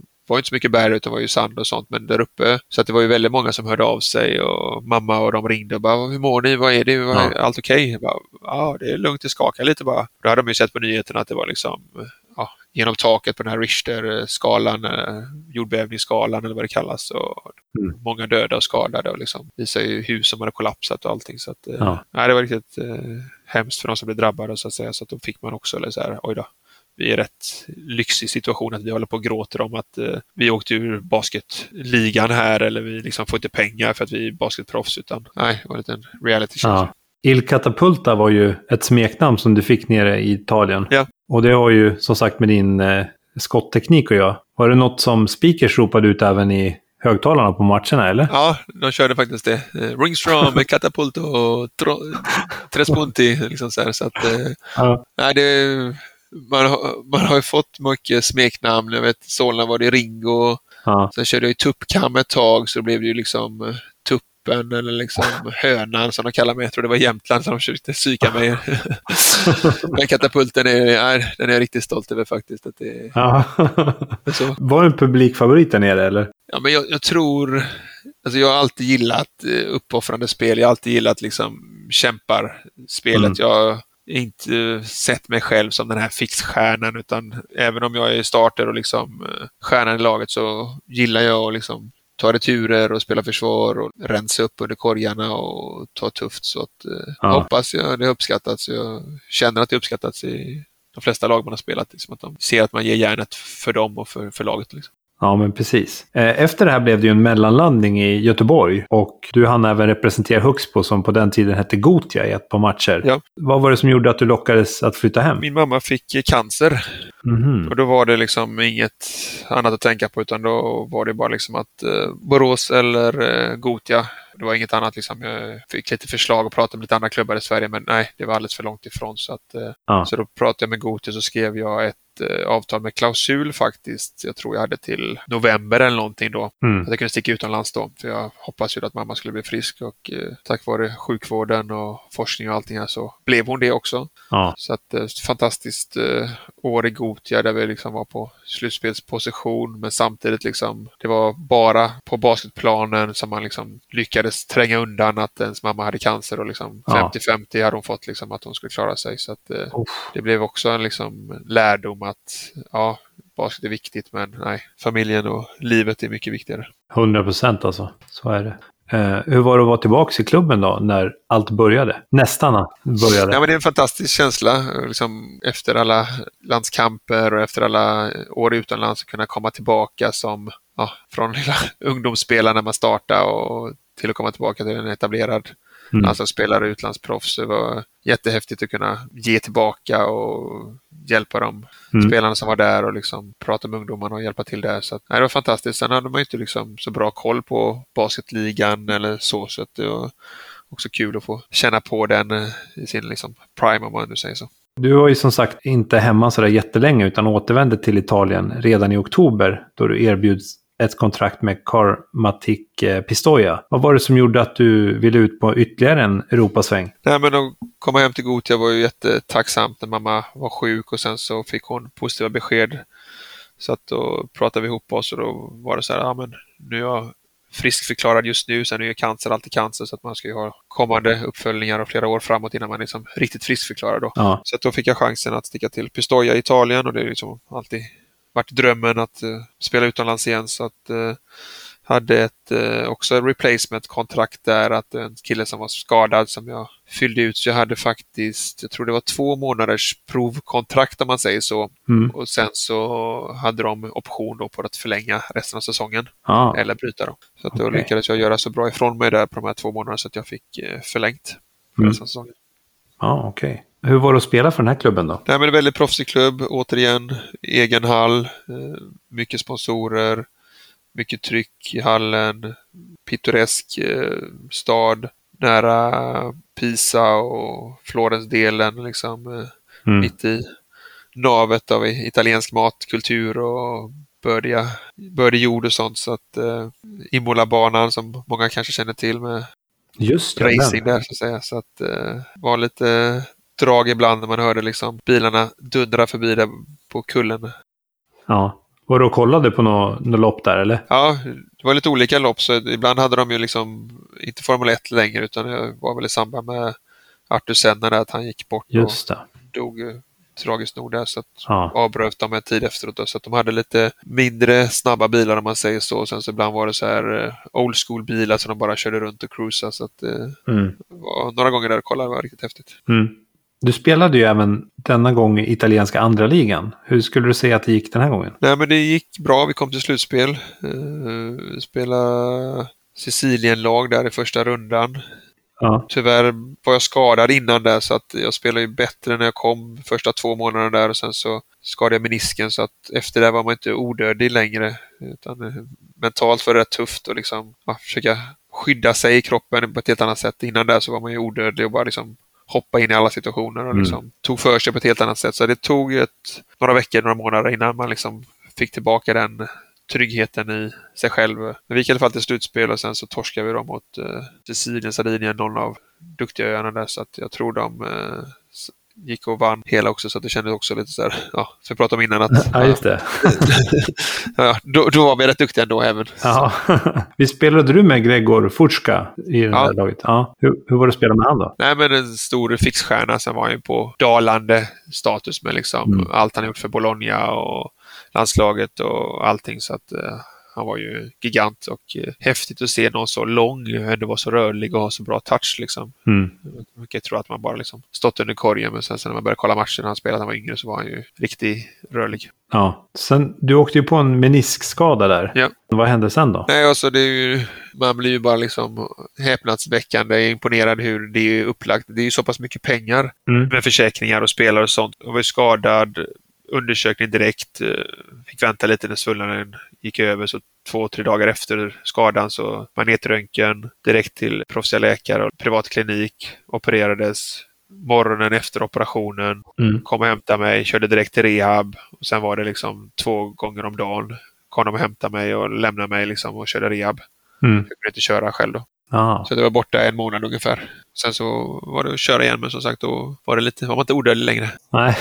Det blev ju som sagt en ytterligare säsong i pizzan och pastans hemland där. Imola Basket. Ja just det, nu kommer Imola-banan in. Det var jag som blandade ihop det med Pistoia där innan. Ja, jag förstår. Ja, nej, det var fantastiskt att få återigen få stanna i Italien. Där var det faktiskt att vi spelade, klubben var i Imola men själva hallen var i liksom grannkommunen. Mm. Så att det, det var en eh, annan eh, dynamik där liksom för att man då fick liksom hela kommunen åka till nästa kommun och spela matcher. Det var inte alls samma samhörighet med liksom matcher och hall. Det var fortfarande jättebra tryck och så. Det här resandet både för laget och för fansen gjorde det nog att det blev en annan känsla än till exempel Pistoia då, liksom att man bara liksom gick ner till torget och så var hallen och laget där. Mm. Är det någon av de här klubbarna som du har varit i som du kände bara shit att jag inte stannade fler säsonger i samma klubb? Eller jag vet ju att det är ganska vanligt att man byter varje år klubb så. Ja, nej, men det är nog många, det är många av de här som...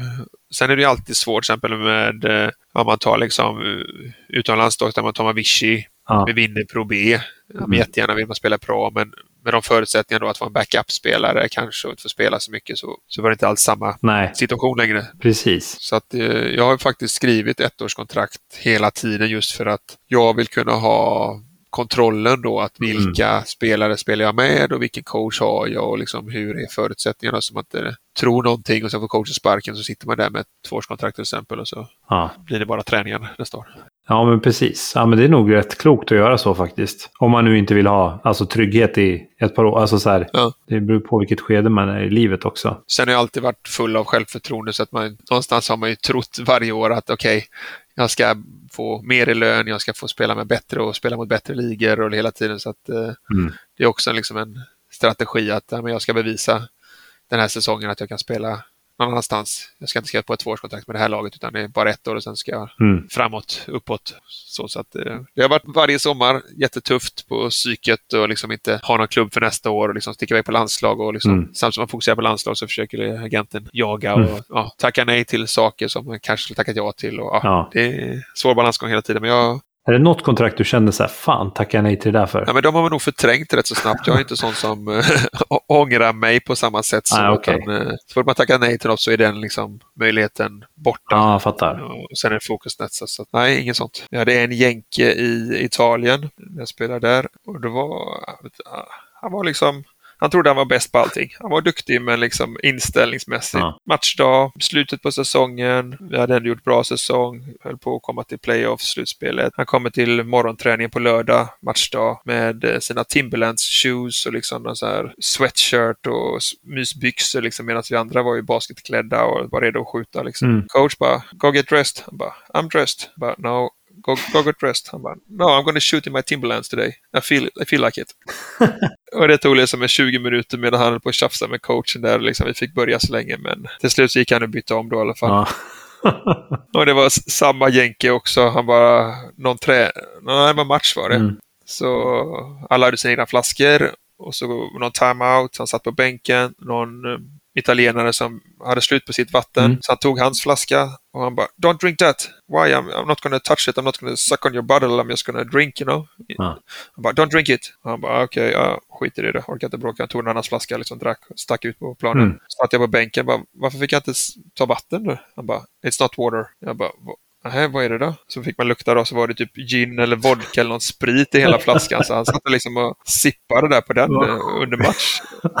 Så, han blev hemskickad efter ett tag sen efter det. Liksom, han gjorde bara sådär massa galna grejer. Ah, alltså. Shit vad oskön snubbe alltså. Ja, nej, men helt galen ah. alltså. Vi hade massa fight på träningarna hela tiden för att han liksom, du vet, sköt sådana här eh, transition 3 på match och bara liksom tog den en mot fem och liksom, du vet, bara sket i om laget vann eller förlorade. Utan det var bara han som skulle synas. Ah. Sånt gillar jag inte. Så det nej, det fattar jag.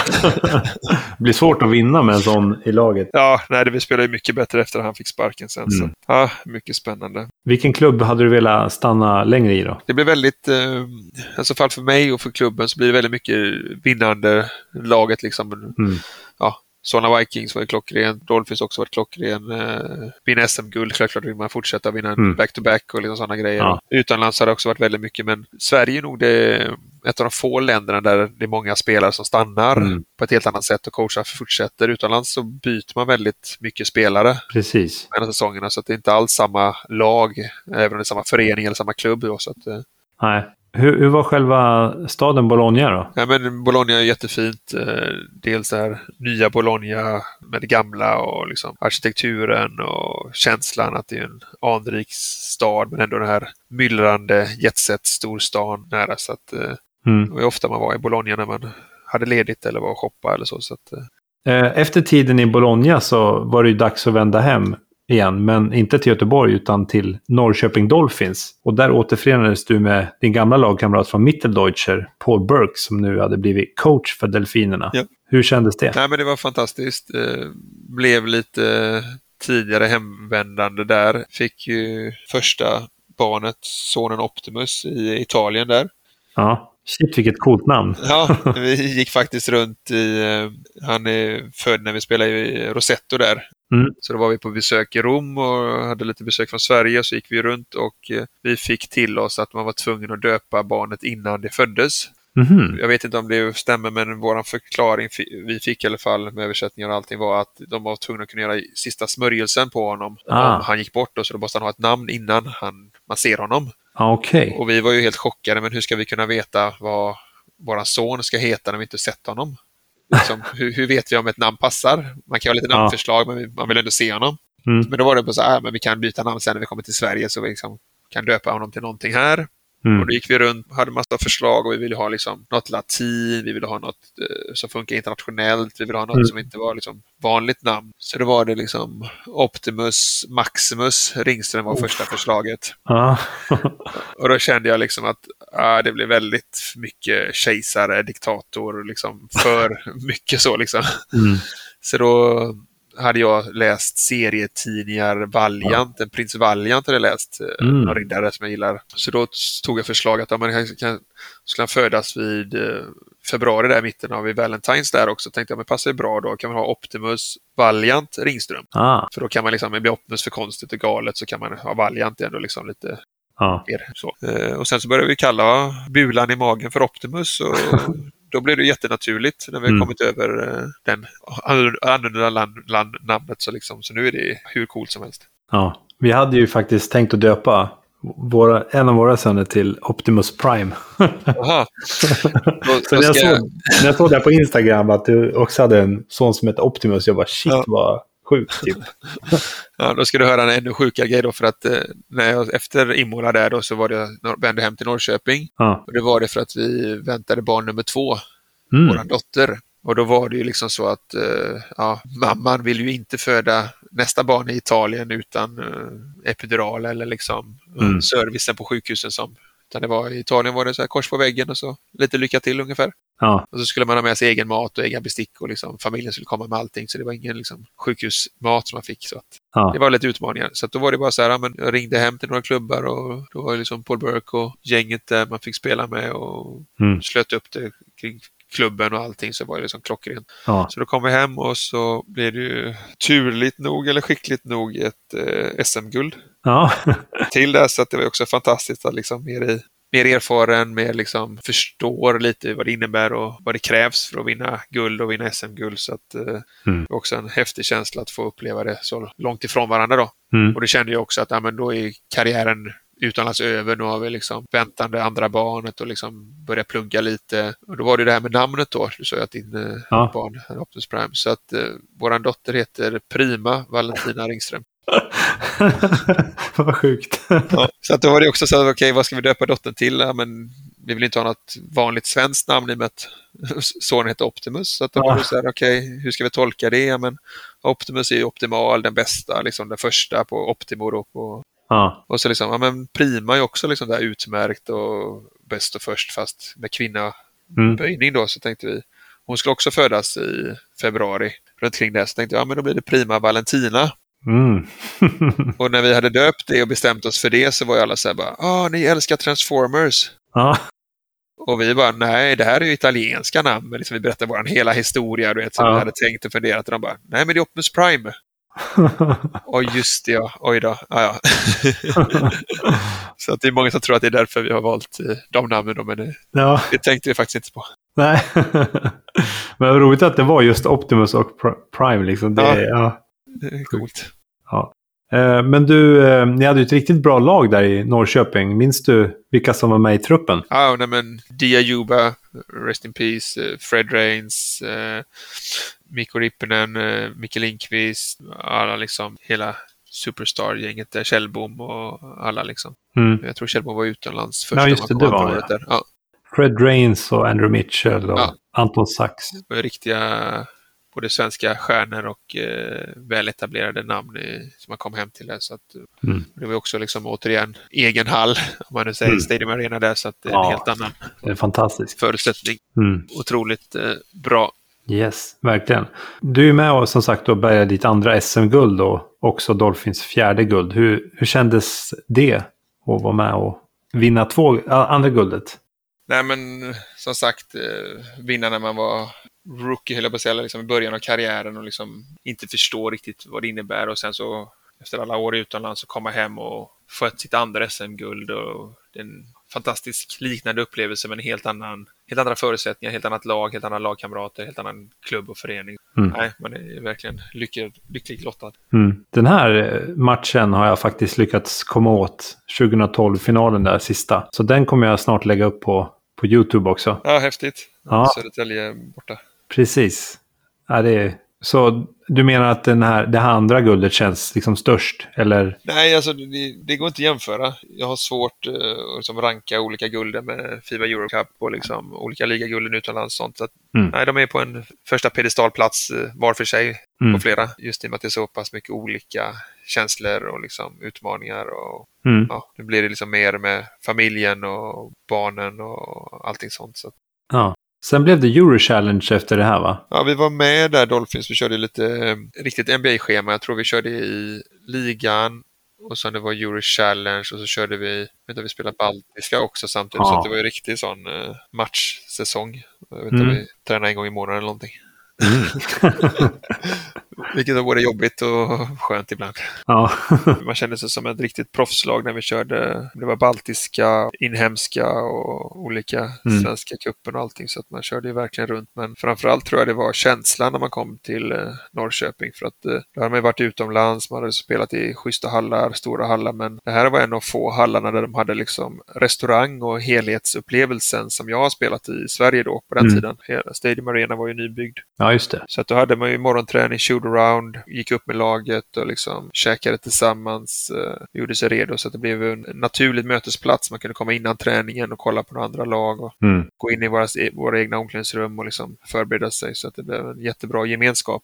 Mm. På så sätt att man liksom det var våran hall. Det var liksom inte att man var inhyrd eller liksom fick låna nyckeln till något omklädningsrum tillfälligt, utan det var liksom vårat omklädningsrum, våran hall, mm. och liksom supporten med mat och allt. Lite lyxig helhetsintryck. Mm. Så att det där var väl en, av de mäktigaste grejerna var väl där att eh, jag blev tillfrågad, det var kapten det året, så jag blev tillfrågad av eh, marknadschefen där att han har fått en förfrågan från Barncancerstiftelsen tror jag det var. Ja. Om att de skulle ha en årlig grej då vid Vrinnevi sjukhuset, har de en lekterapi där så att när barn har varit sjuka eller man har syskon så man ligger inne på sjukhus mycket så kunde man vara där och leka och spela spel och liksom mm. komma bort lite från sjukhusmiljön och sjukhussängen. Jag vet inte vad jag tänkte på men jag tänkte att ja, allt är möjligt. Så att eh, jag ringde ju till dem och så frågade jag vad önskar ni er mm. sjukhuset då? Och då sa de äh, men hockeylaget och fotbollslaget och baslaget ni brukar komma med lite pins och liksom skriva lite autografer och spela med barnen så det brukar vara roligt. Mm. Och då sa jag jo men klart vi vill ju kunna bidra med mer. Jag kan inte lova någonting men säg att det är julafton, vad behöver barnen när vi inte är där liksom? tv-spel eller vad liksom. Så de fick en lång lista. Liksom. De hade fortfarande en tjock-tv på den tiden. De hade något gammalt, fem år gammalt Fifa-spel som ungarna tyckte var lite konstigt att de inte hade något nytt. Ah. De hade en iPad, var första grejen som kom då, att det var liksom nytt med iPad, så mm. det ville de gärna ha. Så det blev en lång lista mm. och sen så bara bad jag klubben skicka ut liksom från oss spelare och med mig lagkapten då, så skrev jag ett brev bara och sa liksom att det här vill vi göra, vi vill liksom ge alla de här sakerna till lekterapin för barnens skull. Vi vill inte bara komma dit och skriva autografer och ge dem en, några timmar av våran tid som vi verkligen gör ett intryck. Damlaget, herrlaget, vi samlar in pengar, restaurangen samlar in pengar, privatpersoner skänkte pengar, företag skänkte pengar, någon som kände någon så vi kunde handla bra grejer rabatterat på olika ställen och få rabatter och allting. Så att vi hade liksom spel och Gameboys och tv-spel och mm. ny tv åt dem iPad. Shit vad nice. Ja, det var liksom, då kände man liksom den här schyssta rivaliteten som finns i sportstäderna mellan olika lag och i olika idrotter. Mm. Då kom vi liksom med tre bilar, stora påsar från Mediamarkt, tv, konsoler, alltså allting bara baxade ut därifrån. Mm. Och så kom liksom fotbollsklubben och hockeylaget och allting kom med sina pins och kepsar och liksom eh, autografblock. Ja. Och då blev det liksom, då kände man att, jag tror det var Anton Sax som sa det att fasiken, de är avundsjuka på oss nu. Annars har man själv alltid varit avundsjuk på fotbollen då i Norrköping för det är så pass mycket ja. större. Så det var en schysst känsla. Det publiceras i tidningen och liksom, ja, det blev ja. jättebra genomslagskraft för en sån viktig sak. Och där ser man hur viktigt det är med att det inte bara på planen utan vi kan verkligen använda nätverket och klubbens sponsorer och samarbetspartner att man gör en sån här häftig grej. Liksom. Så att, eh, ja, det är ju skit, skitbra grej alltså, verkligen. Alltså det var riktigt sån uh, häftig känsla. Nu vet inte jag hur vanligt det här är i Sverige, men det känns ju som typ NBA-klass på det där ju. Alltså så här att många grejer som händer där, att de åker runt och hjälper till. Ja, och utomlands då har man ju oftast något barnhem eller kanske något sjukhus eller olika skolor som man supportar uh, mer kontinuerligt. Ja. I Sverige jobbar man kanske mer med att ja, vi är där någon gång i veckan och har någon idrottslektion. Mm. Men här är det mer liksom med resurser och pengar och sponsorerna går in och liksom bidrar på ett helt annat sätt. Ja. Ja, det är ju jättebra. Ja, och det var jättemånga som, av sponsorerna som sa det att nej, vi har våra liksom, samarbetspartners redan som vi samarbetar med och skänker pengar och bidrar. Men många gick in med 500 lappar och 1000 lappar och Mm. skänkte liksom extra utöver då, just för att det kom från oss spelare. Ja, okej. Att det blev ett sånt helt annat engagemang än att det kanske påtvingat från klubben eller någon PR-grej. Utan det här var ett liksom, Mm. de kände att det var ett genuin grej då, att det kom från oss damlag och herrlaget i Norrköping. Så att, eh, ja, självklart var ju rullstolsgänget med också och bidrog, så att eh, det var verkligen en sån klubbgrej. Mm. Så att det var väldigt, eh, något man fortfarande är stolt över att vara med och bidra. Ja, det förstår jag. Men av liksom alla dina länder som du har varit i sådär, vilket är ditt favoritland när det kommer basketmässigt och men även generellt att leva i? Nej, men basketmässigt, just liksom kvaliteten, då är det ju grekiska högsta ligan som Mm. hade liksom världsklass med de topplagen där. Ja. Sen liksom eh, om man fråntar ja, strul eller motgångar eller skador så att eh, Italien eh, har jag en förkärlek till faktiskt. Det, just Ja. klimatet och språket, ja, livet. Mm, maten. Ja, ja, det är fantastisk mat. Så att, Mm. Vissa brukar ju säga att svenska spelare är lite för snälla och sådär och lite för mycket lagspelare för att lyckas utomlands. Men du lyckades ju ändå spendera merparten av din karriär utomlands. Vad är den bidragande orsaken till det? tror Nej, jag tror jag har varit, eh, eller är, osvenskt kaxig. Jag Ja. har eh, ett självförtroende så att liksom, det spelar ingen roll vad jag gör. Eh, Vill jag någonting, ja men då kommer jag lyckas med det. Fast samtidigt inse att ja, men jag måste be jättemycket människor om hjälp. Jag måste ha liksom turen. Jag måste jobba Mm. stenhårt. Det är liksom ingenting som bara kommer komma till mig bara för att jag är duktig på basket eller liksom vill någonting. Så Nej. att jag tror det här liksom oräddheten att, eh, ja men vad fasiken, nu vill jag, jag tror jag har någon artikel här, jag tror det hette 305 på den tiden, sån här baskettidning. Var det Mm. så här generation X som de intervjuade unga spelare som var Ja. talanger upcoming. Då står det så här, ja, men landslaget vore inte fel, eh, som var liksom mitt mål. Ja, och sen okej. utlandsproffs och liksom så. Och sen så Mm. första landslagssamlingen då så var det liksom Oloma, Jönsén och Leslie och gänget hade så här, ah, här kommer ju han. Landslaget vore inte fel killen liksom. Så på något sätt har det blivit så att liksom jag har drömt om någonting och sen har jag liksom lyckats förverkliga det självklart med hjälp av otroligt många människor som har stöttat mig och hjälpt mig längs vägen med coacher och föreningar och föräldrar och vänner liksom som har coachat mig och liksom sett att jag, jag menar, han brinner för detta. Liksom. Det, vi, det är vår resa också tillsammans med, med Martin. Då. Ja, apropå Leslie där, hur var det att liksom spela med Nej, honom? men alltså, skönare människa finns ju inte. Han liksom, om jag gav allt på plan så var jag inte ens i närheten av Leslie. Alltså, han var ju stående backup på landslaget. Han hade liksom egentligen retire, alltså ja. lagt landslagsskorna på hyllan. Men varje sommar hade vi någon skada i landslaget. Var det liksom någon sparringpartner, någon tränings... Ja, men då stod han där liksom och kan vara hur dålig shape som helst men ändå liksom hjälpte laget. Mm. Slet som ett djur efter bästa förmåga. Så att, nej, riktigt lojal och härlig människa. Mm. ja, jag frågade honom om han ville vara med i en liten sekvens här, men han hade det fullt upp med något annat. Så att jag tänkte jag skulle läsa upp vad han skrev här istället. Ja. Häftigt. Martin är en av mina favoritlagkamrater, både från hans tid i Solna Vikings och de cirka 30 landskamperna vi gjorde ihop. En äkta och ärlig person som alltid står upp för det han tycker är rätt och han är inte rädd för att gå sin egen väg och stå för sin åsikt. En fantastisk vän, en person man vill ha med sig både när det går bra och när det inte går bra. Sådana personer är ovanliga.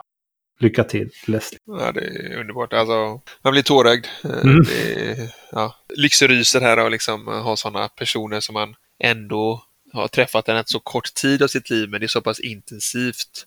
Mm. Det är som man är så pass nära varandra som, som man säger. en- Jag ser honom som en god vän fast vi kanske bara har tillbringat några totalt några månader tillsammans av våra långa liv. Ja, Men så det, är, nej, det är fantastiskt kul att eh, man kommer så varandra så nära liksom, och kan dela på allting. Och som sagt, man säger, man kan ringa upp varandra nu efter massa år. Och, precis. Ja, verkligen. Just det, du var ju även med i bruttotruppen 2013 inför EM i Slovenien. Men blev också kattad i sista stund. Hur såg du på den här gången? Borde du ha varit med nu mer än första gången? nej, men där var jag ju sista sluttampen på min karriär. Jag hade fått en, liksom en bonuschans. Jag hade sagt till min agent eh, efter Norrköpings hemflytten att nej, men nu har jag två barn och nu liksom Mm. nu är jag färdig med utomlands. Eh, Agenten ringer upp mig och säger att han har ett grymt erbjudande och vi dealar till oss att jag får liksom, vinner jag där i division 4 i Frankrike så får jag ett, ett år till. Så att egentligen var jag liksom färdig med landslaget men jag, jag ville ändå hjälpa till och ville spela så att eh, ja, jag vet inte, där kanske jag och eh, coachen skulle haft en, liksom, en lite tydligare dialog och liksom pratat lite förväntningarna. Så att, eh, Mm. Även om jag var på slutet av min karriär var inte jag redo att sitta på bänken. Så att, eh, det var därför jag blev kattad att jag inte passat i den rollen som de hade tänkt sig. Ah, okej. Jag fattar. Men som sagt, det blir ju Frankrike igen den här säsongen då. Ja, som sagt, eh, lite apropå min kaxighet eller liksom Ja.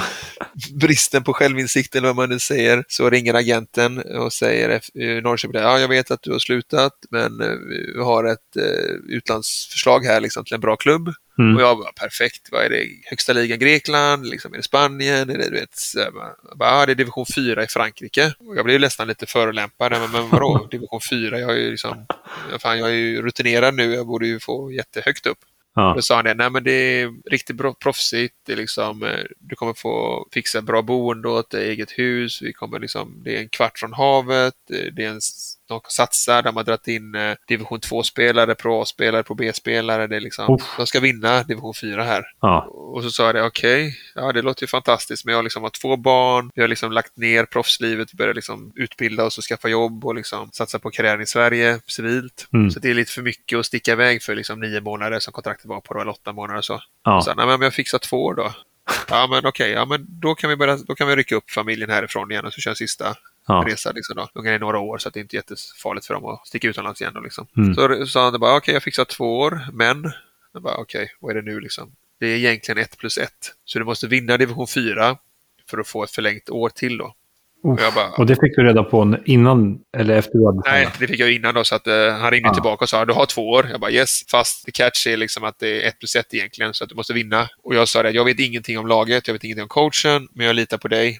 Och då sa han det att, Mm. gör, du ditt, gör du ditt jobb utanför och på planen med det här laget så kommer ni vinna med de spelare du har i laget redan och coach och satsningar och allting. Så att, och då var det bara okej, Mm. nu kör vi. Och så lyckades vi med det också, så att då fick jag ju två år på avslutning där i Frankrike. Mm. Helt fantastisk tid och liksom verkligen känna att okej, det här är en bonustid. Ja. Också familjen och för alla som kommer på besök och sånt som man bara liksom njöt Ja. hela tiden. Liksom. Hur var staden Challans då? Men det låg på västkusten, precis eh, nära havet, så att liksom en kvart från havet, lite mindre by, men återigen baskettokigt, schysst Mm. hall. Sen var det ju en annan budget och en annan nivå i och med att det var division 4. Vi var ändå en av de proffsigare lagen, men vi åkte större bilar, så här sjusitsbilar Mm. med säten där bak i bagageluckan om man säger då. Så att, Mm. eh, då satt jag och jänken med i sätena i bagageluckan och så hade vi lyft ut det vanliga baksätet då.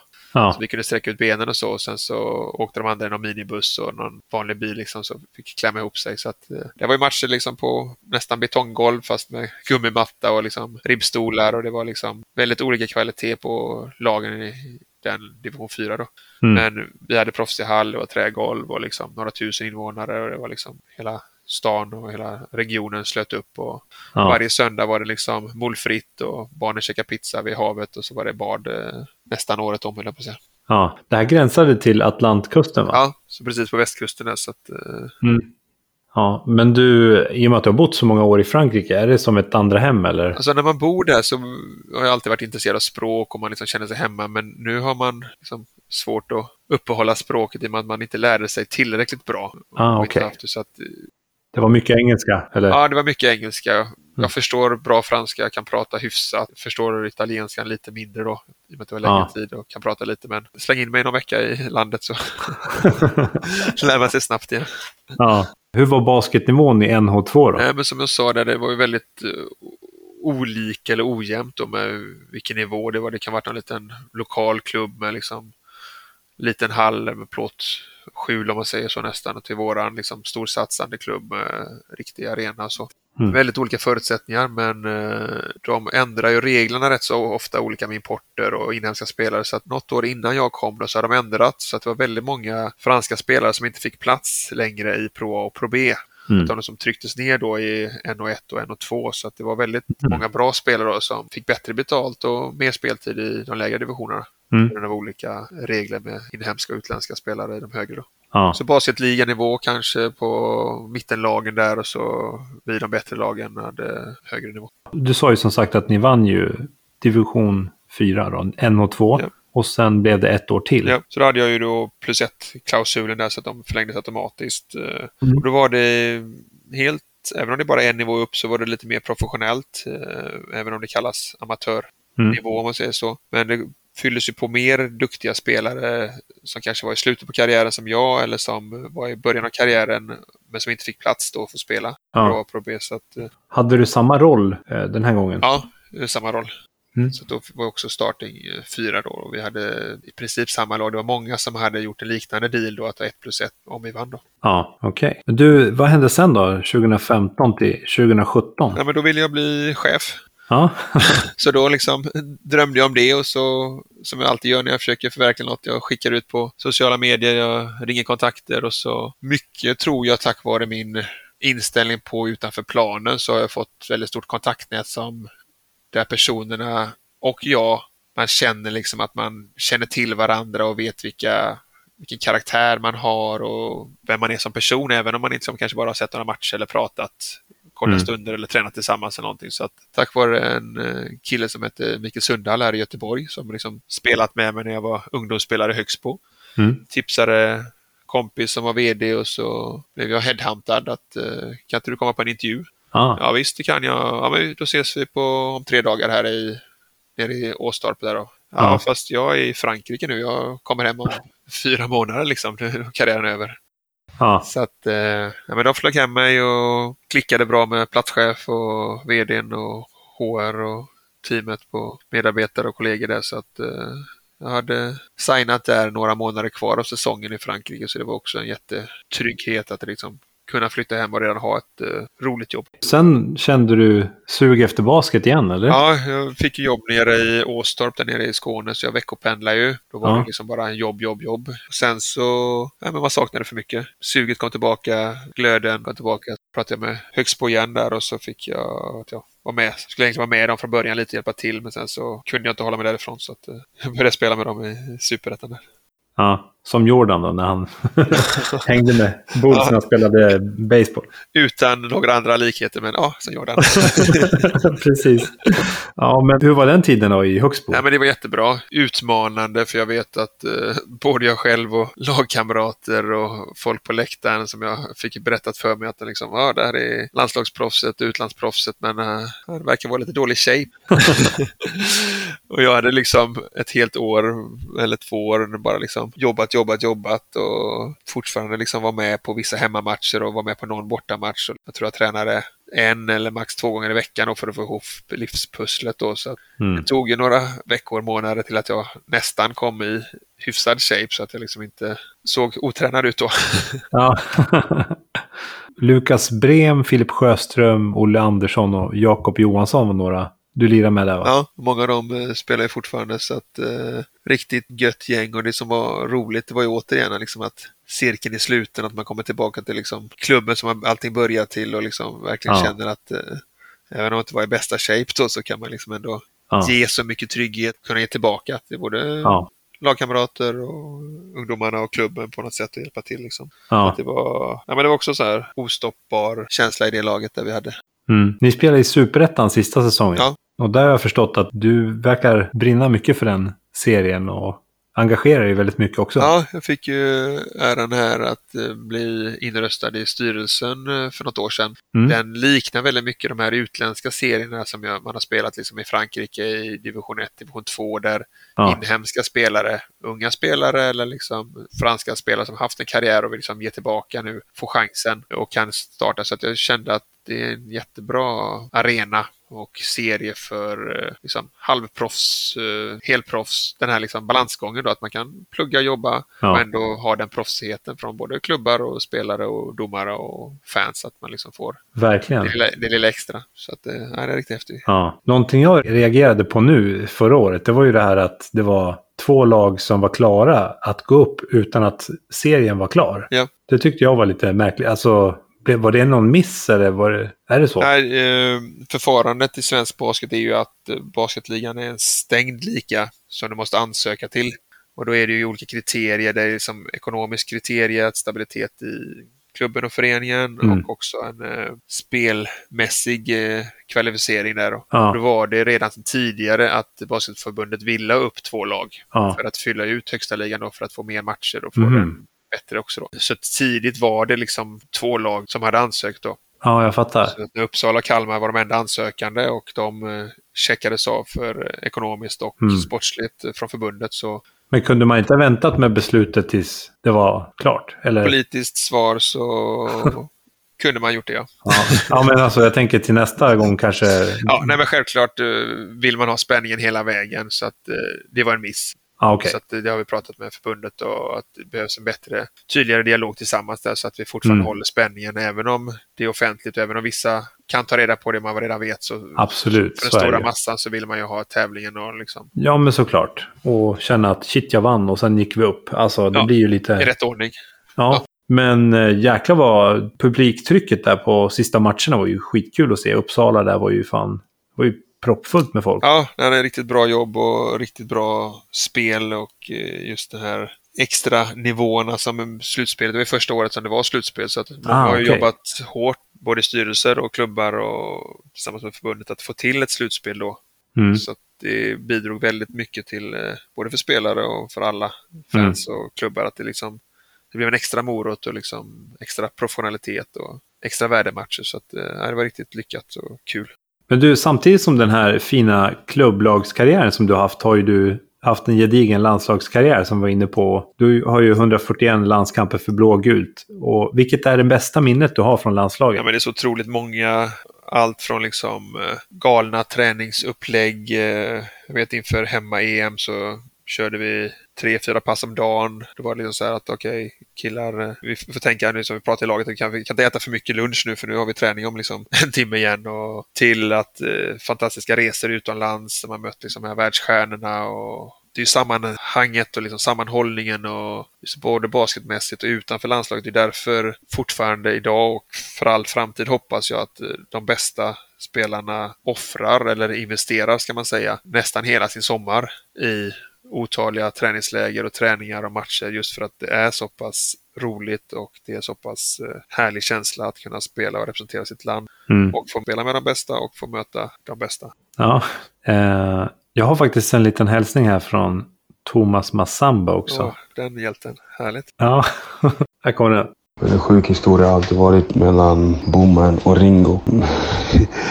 Jag visste inte att Ringo och eh, Kjellbom var så nära. Den första träningen med dem så har de på stångas alltså hur mycket som helst. Jag trodde nästan att det skulle bli bråk. Så de delade rum så kom vi upp smygandes och tänkte att de här, de här kommer typ försöka hugga halsen på varandra. Kom in och de bara garvade och satt vid sina eh, datorer och spelade Blackjack online tror jag. De gamblade ganska mycket. Det var ju ganska inne då. Jag hade varit poker mitt fel.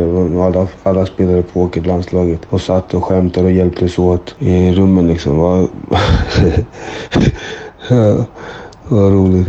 Ja, det är en riktig kämpe både på, på plan, utanför plan. Han var ju rätt så ny i landslagssammanhang då som han berättade. Och jag och Kjellbom har Ja. ju roomat sedan början och eh, jag vet inte, i början tjatade jag väl hål i bommen som är lite mer tystlåtande med alla frågor och allt jag ville veta om livet och världen. Men som sagt, på träningarna Ja. så blir det ju att vi höll varandra och lite näseblod och lite armbågar och lite du vet, hetska diskussioner för båda är tävlingsmänniskor så att båda vill ju vinna och hjälpa Ja. laget att bli bättre. Så att, eh, Ja.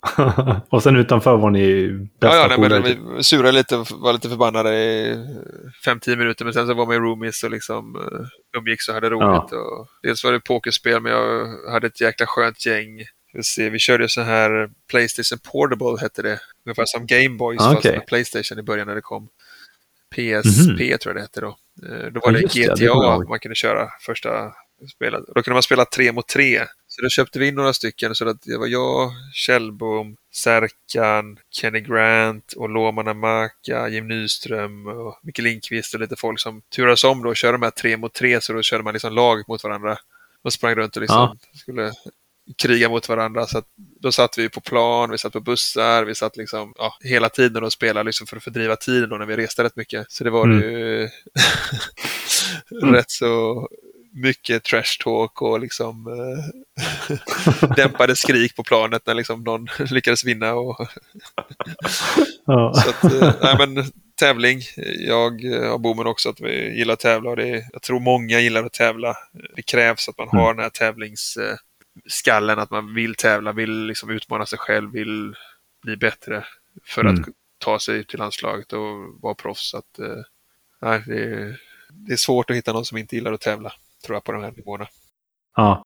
Det finns mycket roliga grejer. Jag hade någon, så här, jag är ju 206, man är ju rätt så lång. Mm. Basketmässigt så har man ju spelat mot ja, Yao Ming 224 och Ja. massa andra liksom, stora killar. Men vi hade någon landskamp, tror det var något, Serbien kanske det kan ha varit, Ja. eller Kroatien. Så hade liksom coach varnat oss för att liksom, okej, det här är stora killar, det är en fysisk match, bara liksom gör det redo. Guardsen är jättestora, big guysen är ännu större, så att det kommer bli tufft. Vi får liksom verkligen fysiskt på dem. Ja. Så gick jag, Joakim Kjellbom, tror han är 214, Jocke, Mm. gick liksom i korridoren in till shootaround på morgonen där och så mötte vi ju deras big guys då, deras centrar. Så de gick emot oss och vi tänkte, ja men de var inte speciellt biffiga eller de var inte speciellt långa, de var ungefär som oss liksom. Det här, det här är lugnt, det är coachen har bara liksom Ja. snackat upp laget lite så att det är lugnt.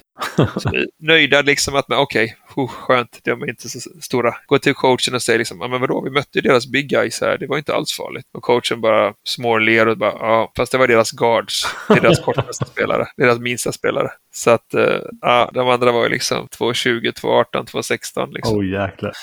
Så att, eh, ja, det var en fysisk match. Vann ni matchen? Nej, det är inte ofta man själv känner sig kort när man är 206, men eh, Nej. basketplanen så har man haft det några gånger, Ja. rätt så oftast. Mm. Alltså det, jag tror landslagsmässigt så haft några, minns man ju såklart bara de skotten man satte och vann matchen eller liksom de vinsterna så att Mm. förlusterna har man lite förträngt. Men vi mötte Litauen, tror det var 2007. Mm. och hade genrep inför EM i Spanien. Fullsatt hall. De gick runt och körde lite mannekäng även för OS-kollektionen då som skulle vara 2008 i Peking, Kina, Mm. året efter. Och sen så lite med deras EM-kläder då. Så att det var liksom schysst genrep, lättare nation kanske mot Sverige, lagom motstånd och bara liksom säkra spelarna och bara komma igång med en lätt vinst. Men Kostas Flavarakis som vi hade 2005 och eh, riktigt bra lag vi fick ihop. Så vann vi faktiskt mot Litauen i Litauen, så det var en riktig liksom Mm. häftig grej. Mm. Så att eh, jag gick faktiskt in och kollade på vilka spelare vi hade och liksom, det var Rudy Memba, jag, Mats Levin och Kjellbom tror jag som var utlandsproffs. Sen så var det liksom Jim Nyström, Micke Lindqvist och många som spelade i basketligan. Så att det var rätt häftig känsla att eh, spöa Litauen där med Mm. alla världsstjärnorna. Ja, eller hur? Ja, det var riktigt coolt. Sen så, så det, var faktiskt en av få gångerna där borta publiken har liksom hejat på oss eh, som motståndare så pass mycket för att de kände att ja, Mm. det, de är bättre idag eller de är hungrigare idag. Så, att, eh, Mm. så det var riktigt schysst eh, av dem. Ehm, men du har ju varit under karriären liksom lagkapten i bland annat Dolphins och Gotia, även i landslaget. Nu när du arbetar som logistikchef på multinationella AstraZeneca, finns det någon likhet i att vara lagkapten och vara chef i det civila? Ja, det var jättemånga likheter och eh, nästan lika många olikheter. Jag tycker dåvarande vdn för eh, förra företaget Eson-Pack-koncernen som hade en väldigt bra strategi för att de headhuntade då föreningspersoner som har haft ledande roller. Mm. Det behöver inte vara idrotten, det kan vara någon som varit scoutledare eller det kan vara någon som varit musikledare eller idrottsledare, coach. eh, Just för att då har man lärt sig gruppdynamiken, man har lärt sig målinriktningen, man har lärt sig att och framförallt övat. Kanske Mm. utan att tänka på det, att liksom, hur får vi den här gruppen av scouter, eller hur får vi den här i idrottslaget, eller hur får vi de här körerna liksom att nå samma mål och enas och hur hanterar man alla de här olika personligheterna? Så Mm. att eh, dels som basketspelare men ytterligare en, en nivå som eh, kapten i ett lag. Att, ja, men då är det verkligen att du ska liksom få ihop laget och representera laget och gå runt och prata med alla och liksom få alla att vara nöjda med sin situation även om de kanske har kommit från att varit stjärna oftast i sitt eget lag, klubblag då, men får Mm. kanske sitta på bänken eller vara liksom försvarsspecialist i landslaget då. Få Mm. dem att förstå att ja, men det här är bra för alla. Alla kan inte göra liksom, poäng, det är viktigt eh, att spela Mm. försvar. Det är viktigt att få de här screensen och passningarna och allting som inte syns och kanske inte då får så mycket uppmärksamhet som det borde få. Det är Mm. jättestora likheter. Sen var det väldigt utmanande för mig själv för att eh, ha jobbat med så mycket elittänk, tävlingsmänniskor, Ja. målmedvetenhet, drivenhet liksom och att du har valt att vara själv där på något sätt och liksom valt att spela, viga ditt liv åt basket och den här klubben den här säsongen. Sen komma till arbetsmarknaden där inte alla har valt sitt jobb eller är lyckliga på jobbet eller liksom vill visa framfötterna utan ja, men vissa kanske stämplar in kortet och stämplar ut hjärnan och så är man där och mm. jobbar tills man liksom checkar ut och då liksom börjar man leva sitt liv och vem man är. Så att den kontrasten mm. har varit väldigt stor och väldigt utmanande i början att hitta deras varför de jobbar här. Och vissa jobbar bara för att få pengarna. De mm. skiter lite hur det går i företag kanske, men liksom, den kontrasten var väldigt svår i början. Medan man själv, ja men vi ska ju göra det här företaget till bäst i världen och vi ska ju göra det här gruppen bäst. Ja, det har varit en riktigt häftig lärande tid. Du, ledarrollen då, har den kommit naturligt för dig eller har du fått öva på att vara ledare? Nej, jag tror, nu vet jag inte om det har med min längd att göra, för att då syns man.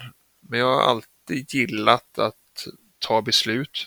Jag har alltid ja. gillat att stå, inte kanske i centrum, jo men det har jag nog gjort. Stå i rampljuset och liksom få ta avgörande besluten, få ta avgörande skotten. Så att, eh, men det har jag nog eh, velat. Sen har man inte alltid varit bekväm med det, men liksom, man förlorar vissa matcher, man vinner vissa matcher och man gör dåliga beslut och bra beslut. Men, ja. så den har jag nog liksom alltid haft som mål att eh, under karriären liksom, eh, vara intresserad av ledarskapet och liksom lärt mig av coacher och medspelare och motståndare och funktionärer och allting hur man kan, kan hantera människor och hur mm. man ska få gruppen eller personen att göra som man själv tycker är bra idé och liksom hur man ska lyssna och ta och ge. Då.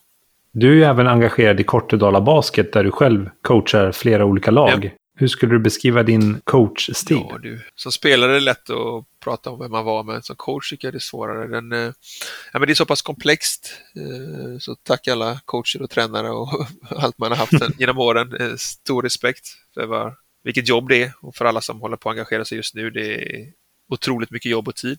Jag mm. vet inte om det är tack vare att jag har presterat så pass mycket och fått uppleva så mycket att jag känner mig rätt så prestigelös. Mm. Jag vill att ungarna ska ha roligt och roligt och roligt och utvecklas. Sen om de vinner eller förlorar, det är, liksom, ja, det är en bonus om vi råkar vinna bara för att vi har så roligt och att vi spelar tillsammans och utvecklas. Det är en bonus. Haft en del duster med framförallt killarna i laget där jag har sagt att poängen från protokollen, det kommer ni få veta när ni är 18 år. Sen om det är skarp regel eller så, när de är just 18, men bara så att ni ska inte bry er om vem som gör poäng nu. Jag vill inte mm. ha det snacket att jag gjorde fyra och du gjorde bara två och du är bäst för du gjorde 20 poäng, utan vi är ett lag och eh, den som är bäst nu är inte säkert den som spelar landslaget eller blir proffs, utan har vi roligt så är jag nöjd för att då bygger jag människor som är basketspelare.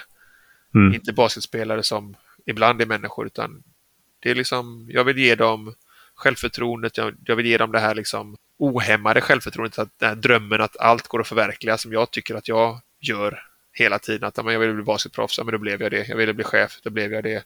Nu vill jag engagera mig i Kortedala, men då blev jag det. Jag ville starta ett eget bolag, nu har jag håller på att göra det. Och lära sig då att men du kan drömma, men jobbar du inte hårt och ber om hjälp, då kommer det aldrig hända.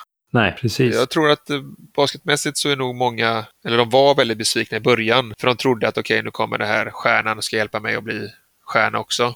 Medan ja. jag sa att ja, men du, jag kan inte lära dig på ett år, men kör vi min filosofi så kommer du bli bra. Sen om du blir en bra funktionär eller en bra domare eller en, bara en hälsosam person eller en bra fotbollsspelare tack vare att du körde basket med mig.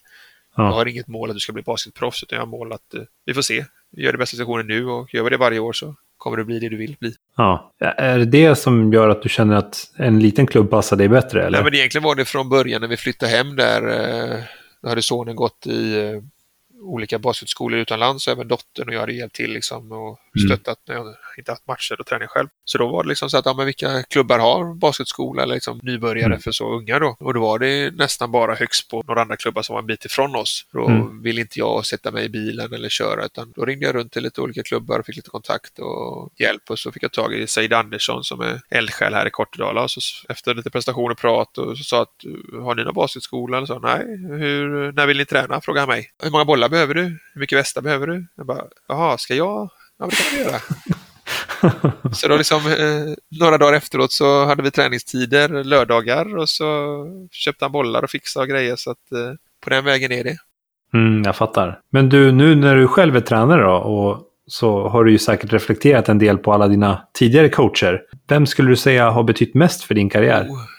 Ja, jättesvårt. Vilka då? Ja, eh, nej men självklart Ulf Hane som liksom fick inspirationen och glädjen där, liksom klassföreståndaren och första tränaren. Men sen liksom alla i Högsbo med Anders Hansson och Bosse Hultskär och Göran och familjegänget där liksom eh, mm. runt omkring och stöttat. Så att Men mer professionellt om man säger liksom på den nivån så självklart Pekka och Stefan där och ja men det är svårt för att man har lärt sig så lite av så många. Ja, fattar. Men landslagsmässigt tycker jag Kostas Flavarakis har varit liksom enastående. Ja. Eh, Med det materialet vi hade, de eh, icke-stjärnorna vi hade liksom och få ihop så ett bra landslag. Mm. Röda tråden är nog att jag gillar coacher som lägger mer tid på scoutingen innan säsongen och få ihop rätt lagkemi och rätt struktur i laget och rätt lagspelare. Mm. Och sen, som Bergman säger, alla de här hyssen och livet runt omkring och på planen. Liksom, att det gör att alla basketträningar och alla fyspass, och allt, det är så mycket mer glädje. Det är inte bara liksom ett jobb eller liksom en hobby, utan det blir liksom livet. Mm. Det blir så mycket större. Så att jag har svårt att namnge liksom någon, men liksom självklart Henrik Detman som första tog mig liksom under sina vingar och liksom Mm. egna samtal med mig och liksom försökte hjälpa mig och stötta mig. Och gröngöling utomlands. Så att, eh, Ja. ja, det är många. Men du, nu börjar vi liksom komma till slutet här. Jag tänkte bara kolla med dig innan. Är det någonting du tycker som vi har glömt att ta med eller som du skulle vilja skicka med? Nej, men skicka med liksom stort tack till alla liksom från eh, familj, föräldrar, vänner återigen. Det är ju tack vare dem som jag har vågat, kunnat, eh, alla klubbar, alla föreningar, coacher, fans. Liksom. Det även om det kommer ett nytt lag och jag sticker iväg till liksom någon annanstans så har man liksom liten del av varje person som man har träffat i sitt hjärna och sitt hjärta. Så, att, eh, Mm. så otroligt många som har påverkat den. Liksom. eh, Så det är bara ett stort tack till alla dem. Så hoppas jag liksom att man kan på samma sätt eller liknande sätt liksom hjälpa dem ja, i Kortedala eller liksom basketmässigt eller liksom styrelsemässigt att liksom ge dem förutsättningarna och självförtroendet, liksom möjligheterna till oavsett vad de vill göra med livet så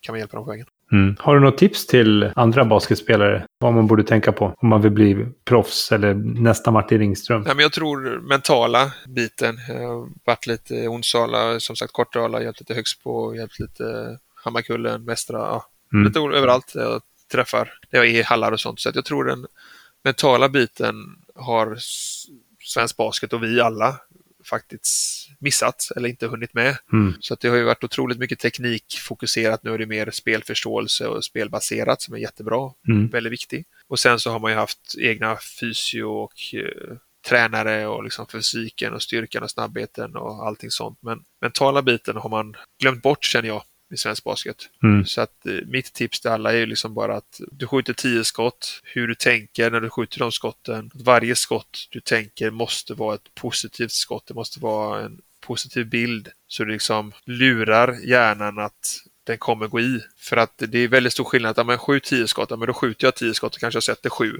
Mm. Men ska jag gå ut och, och sätta tio skott, då blir det som match. Den lilla skillnaden, liksom att ja, men allting gör, ska du göra riktigt. Och bara, men dribbla mellan de här konerna och göra en crossover. Ja, fast är det det du gör på match? Är det den farten du har på match? Är det, det liksom Mm. den styrkan i studsen du har på match? Så att det är det, matchlikt måste det bli. Mm. Och man ska ha den mentaliteten att även om du har en shootaround på morgonen, Mm. men istället för att skjuta 200 skott som du bara skjuter, men skjut 10 skott och sätt de skotten liksom i huvudet. Ja. Jag har sagt till många jag ser liksom att eh, du tror inte på dig själv. Mm. Så säger de, jo jag tror att jag sätter den. Nej det gör du inte. Om du inte kan lura mig som inte ens känner dig, hur ska du kunna lura dig själv som verkligen vet vad du tänker och du känner dig själv bäst? Så man måste tro på det man gör i, i allting. Mm. Fake it until you make it liksom. Ja. Liksom ja, men så är det ju verkligen. min förhoppning liksom är bara att men, believe, become, succeed. Det är alltid möjligt liksom. Ja. Men du måste tro på dig själv och det, du kan inte lura dig själv utan när du tror på någonting, ja, men då är du en bra skytt. Mm. Skit i vad coachen säger, skit i vad föräldrarna säger, lagkamraterna. Vill du vara en bra skytt, men tro på det och så får du jobba hårt. Så blir du en bra skytt. Det är, liksom, det är enkelt men det är jäkla mycket uppoffring. Oavsett vad du vill bli här i världen så Mm. du måste investera. Där spelar jag faktiskt med Gregor Futska. Som en stor gigant i Pistoiare. Så Ja. att, eh, han var häftig. Tyvärr så, där hade jag en eh, injury replacement så att det var två månaders kontrakt här fick jag där i Pistoia. Och sen så hade de något visst datum då så att efter det datumet så skulle mitt kontrakt skrivas om till att automatiskt bli ett vanligt kontrakt. Ja. Okej. Så att jag hade lite mer betalt de här första två månaderna då i och med att jag riskerade inte få förlängt då. Så att. Ja. Men eh, dagen kom, jag fick förlängt automatiskt och tror jag en eller två dagar efteråt, jag tror det var dagen efteråt, när jag hade automatiskt förlängt garanterat kontrakt Ja. då. Så sköt jag en trea, landa och precis när jag skulle resa mig upp så kom Gregor Futska och liksom trillade över mig. Så att jag skadade menisken. Och det var ju verkligen liksom på rätt sida kontraktet så att istället för att de bara skulle skickat hem mig så var jag deras spelare direkt till privatläkare, magnetröntgen, operation och sen var det att köra två gånger per dag med deras rehabspecialist för att kunna komma tillbaka. Så att eh, efter en månad var jag tillbaka och körde igen. Så att, Mm. eh, verkligen liksom att man har turen på rätt sida också. Ja, men verkligen. Har du känt att vissa klubbar har varit så här, ja men att de har försökt få en att spela fast man är skadad och sådär, eller har du haft tur med det? Nej, men det har jag haft tur med. Sen tror jag jag har alltid haft ettårskontrakt, så jag har ju valt många klubbar och coacher, liksom att jag har kanske varit den sista spelaren in. Mm.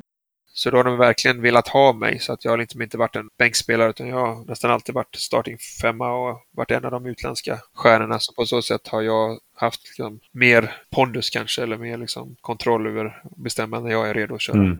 Det var faktiskt en läskig grej när jag var i Frankrike, i Chalons faktiskt. Så Ja.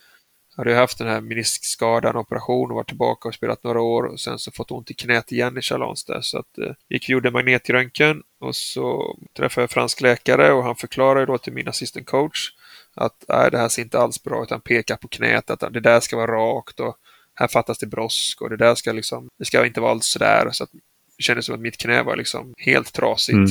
Och assistant coach blev ju liksom gråare och gråare i ansiktet att deras, en av deras stjärnor är liksom borta för säsongen. Mm. Och jag satt ju där och liksom tolkade att det här är inte alls bra. Mitt knä är ju helt förstört. Min karriär är över. Liksom. Jag kommer bli rullstolsbunden, så kändes Mm. det.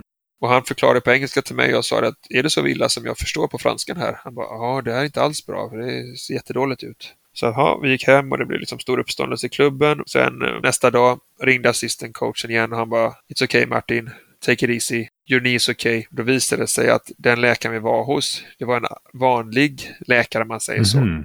inte idrottsläkare, så han var ju inte van vid de här trauman som elitidrottares kroppar, hur det ser ut efter en, liksom, en lång karriär. Ja, okej. Så allt han såg var ju liksom, ja, så ser det ut i mitt knä för att jag har liksom kört för mycket än vad, vad man kanske ska göra. ja. Så att när vi gick till lagets idrottsläkare så han bara, ja, vila några veckor, sen är du good to go liksom. Du har, dina knän är fucked up, men det är liksom, det är bara för att du har haft en lång karriär så att ja, vad tur att de gjorde en second opinion på det då. Ja, alltså det gäller ju verkligen liksom vem lyssnar man på och vad Mm. den personen för liksom normal läge och vad har den för kunskaper. Så att, Ja, men eller- hur? Jag tror också man, man ska, som många även på podden här, att man har ett helt annat självförtroende. Man känner sig, även om man åker på skador och även om man är sliten så gäller det att förstå den här balansen och återhämtningen. Så jag tror det är jätteviktigt. Men eh, Ja. flera gånger på matchen så har man, man, man känner sig oövervinnlig, man känner sig odödlig. Så att eh, Mm. man behöver ju ha det självförtroendet eh, på planen.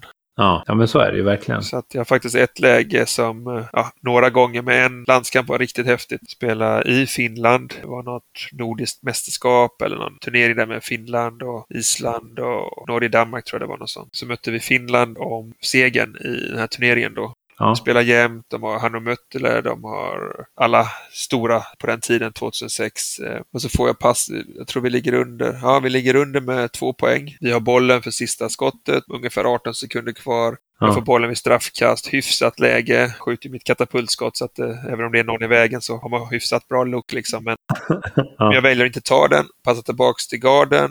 Är Rudy Memba, på något sätt blir han foulad, eller vi får bollen igen och de petar ut den eller någonting. Vi Kostas Mm. tar timeout och Rudy kommer fram med Varför tog du inte läget? Det är ditt skott. Ja, men jag vet, men vi behöver tre poäng för att vinna. Och han var ju så bara, ja okej, självklart. Ja, just det. Jag tänkte inte på det. Så det är självförtroendet att man ger till varandra och liksom hela gänget i Mm. landslaget där, de bara, okej, hur ska vi göra? Kostas, duktig coach som han är, bara fråga oss, okej, vem vill ha den? Hur gör vi? Och jag, och jag sa, jag tar den, jag vill ha den. Och så satte Mm. vi upp ett system där vi passar in den till enkelt, vanligt, bara Rudy har den vid mitten. Och efter några, liksom, åtta sekunder kvar ungefär börjar attackera och jag ska få den i högra hörnet, eh, trean Mm. då liksom, för att make it or break it helt enkelt. Att eh, sätter den Ja. så har vi bra chans att vinna med ett poäng. Missar jag så, ja, då tar vi det liksom. Och där kände jag redan innan att jag liksom klickade med Rudy, att han visste att jag skulle sätta den. Jag visste att han skulle kunna ta sin kille och passa mig. Ja. Och hela laget liksom visste på något sätt, eller så kändes det nu efterhand i alla fall.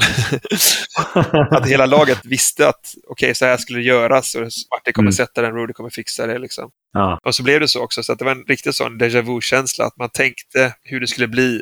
Och sen när det väl hände, då var det liksom automatiskt. Man behövde liksom inte oroa sig, man hade redan sett det spelas upp i huvudet så många gånger. ja, men precis. Så där jobbade vi lite Stenmark också, jag för mig. Att han hade så målbilder. Och... Ja, det är jätteviktigt. Jag tror att de som är de största, de jobbar väldigt mycket med eh, målmedvetenhet och det mentala. Ja. Även om man inte vet om det så att eh, de bästa skyttarna eller de bästa spelarna, det, det är sådana som spelar ingen roll om de missat 20 skott innan. De är redo att Nej. sätta skottet för matchen. Liksom. Ja. Och antagligen kommer de att sätta den liksom, en av 20. Och det är matchavgörande. Så att, eh, Mm. det är jätteviktigt att köra mentalt. Så.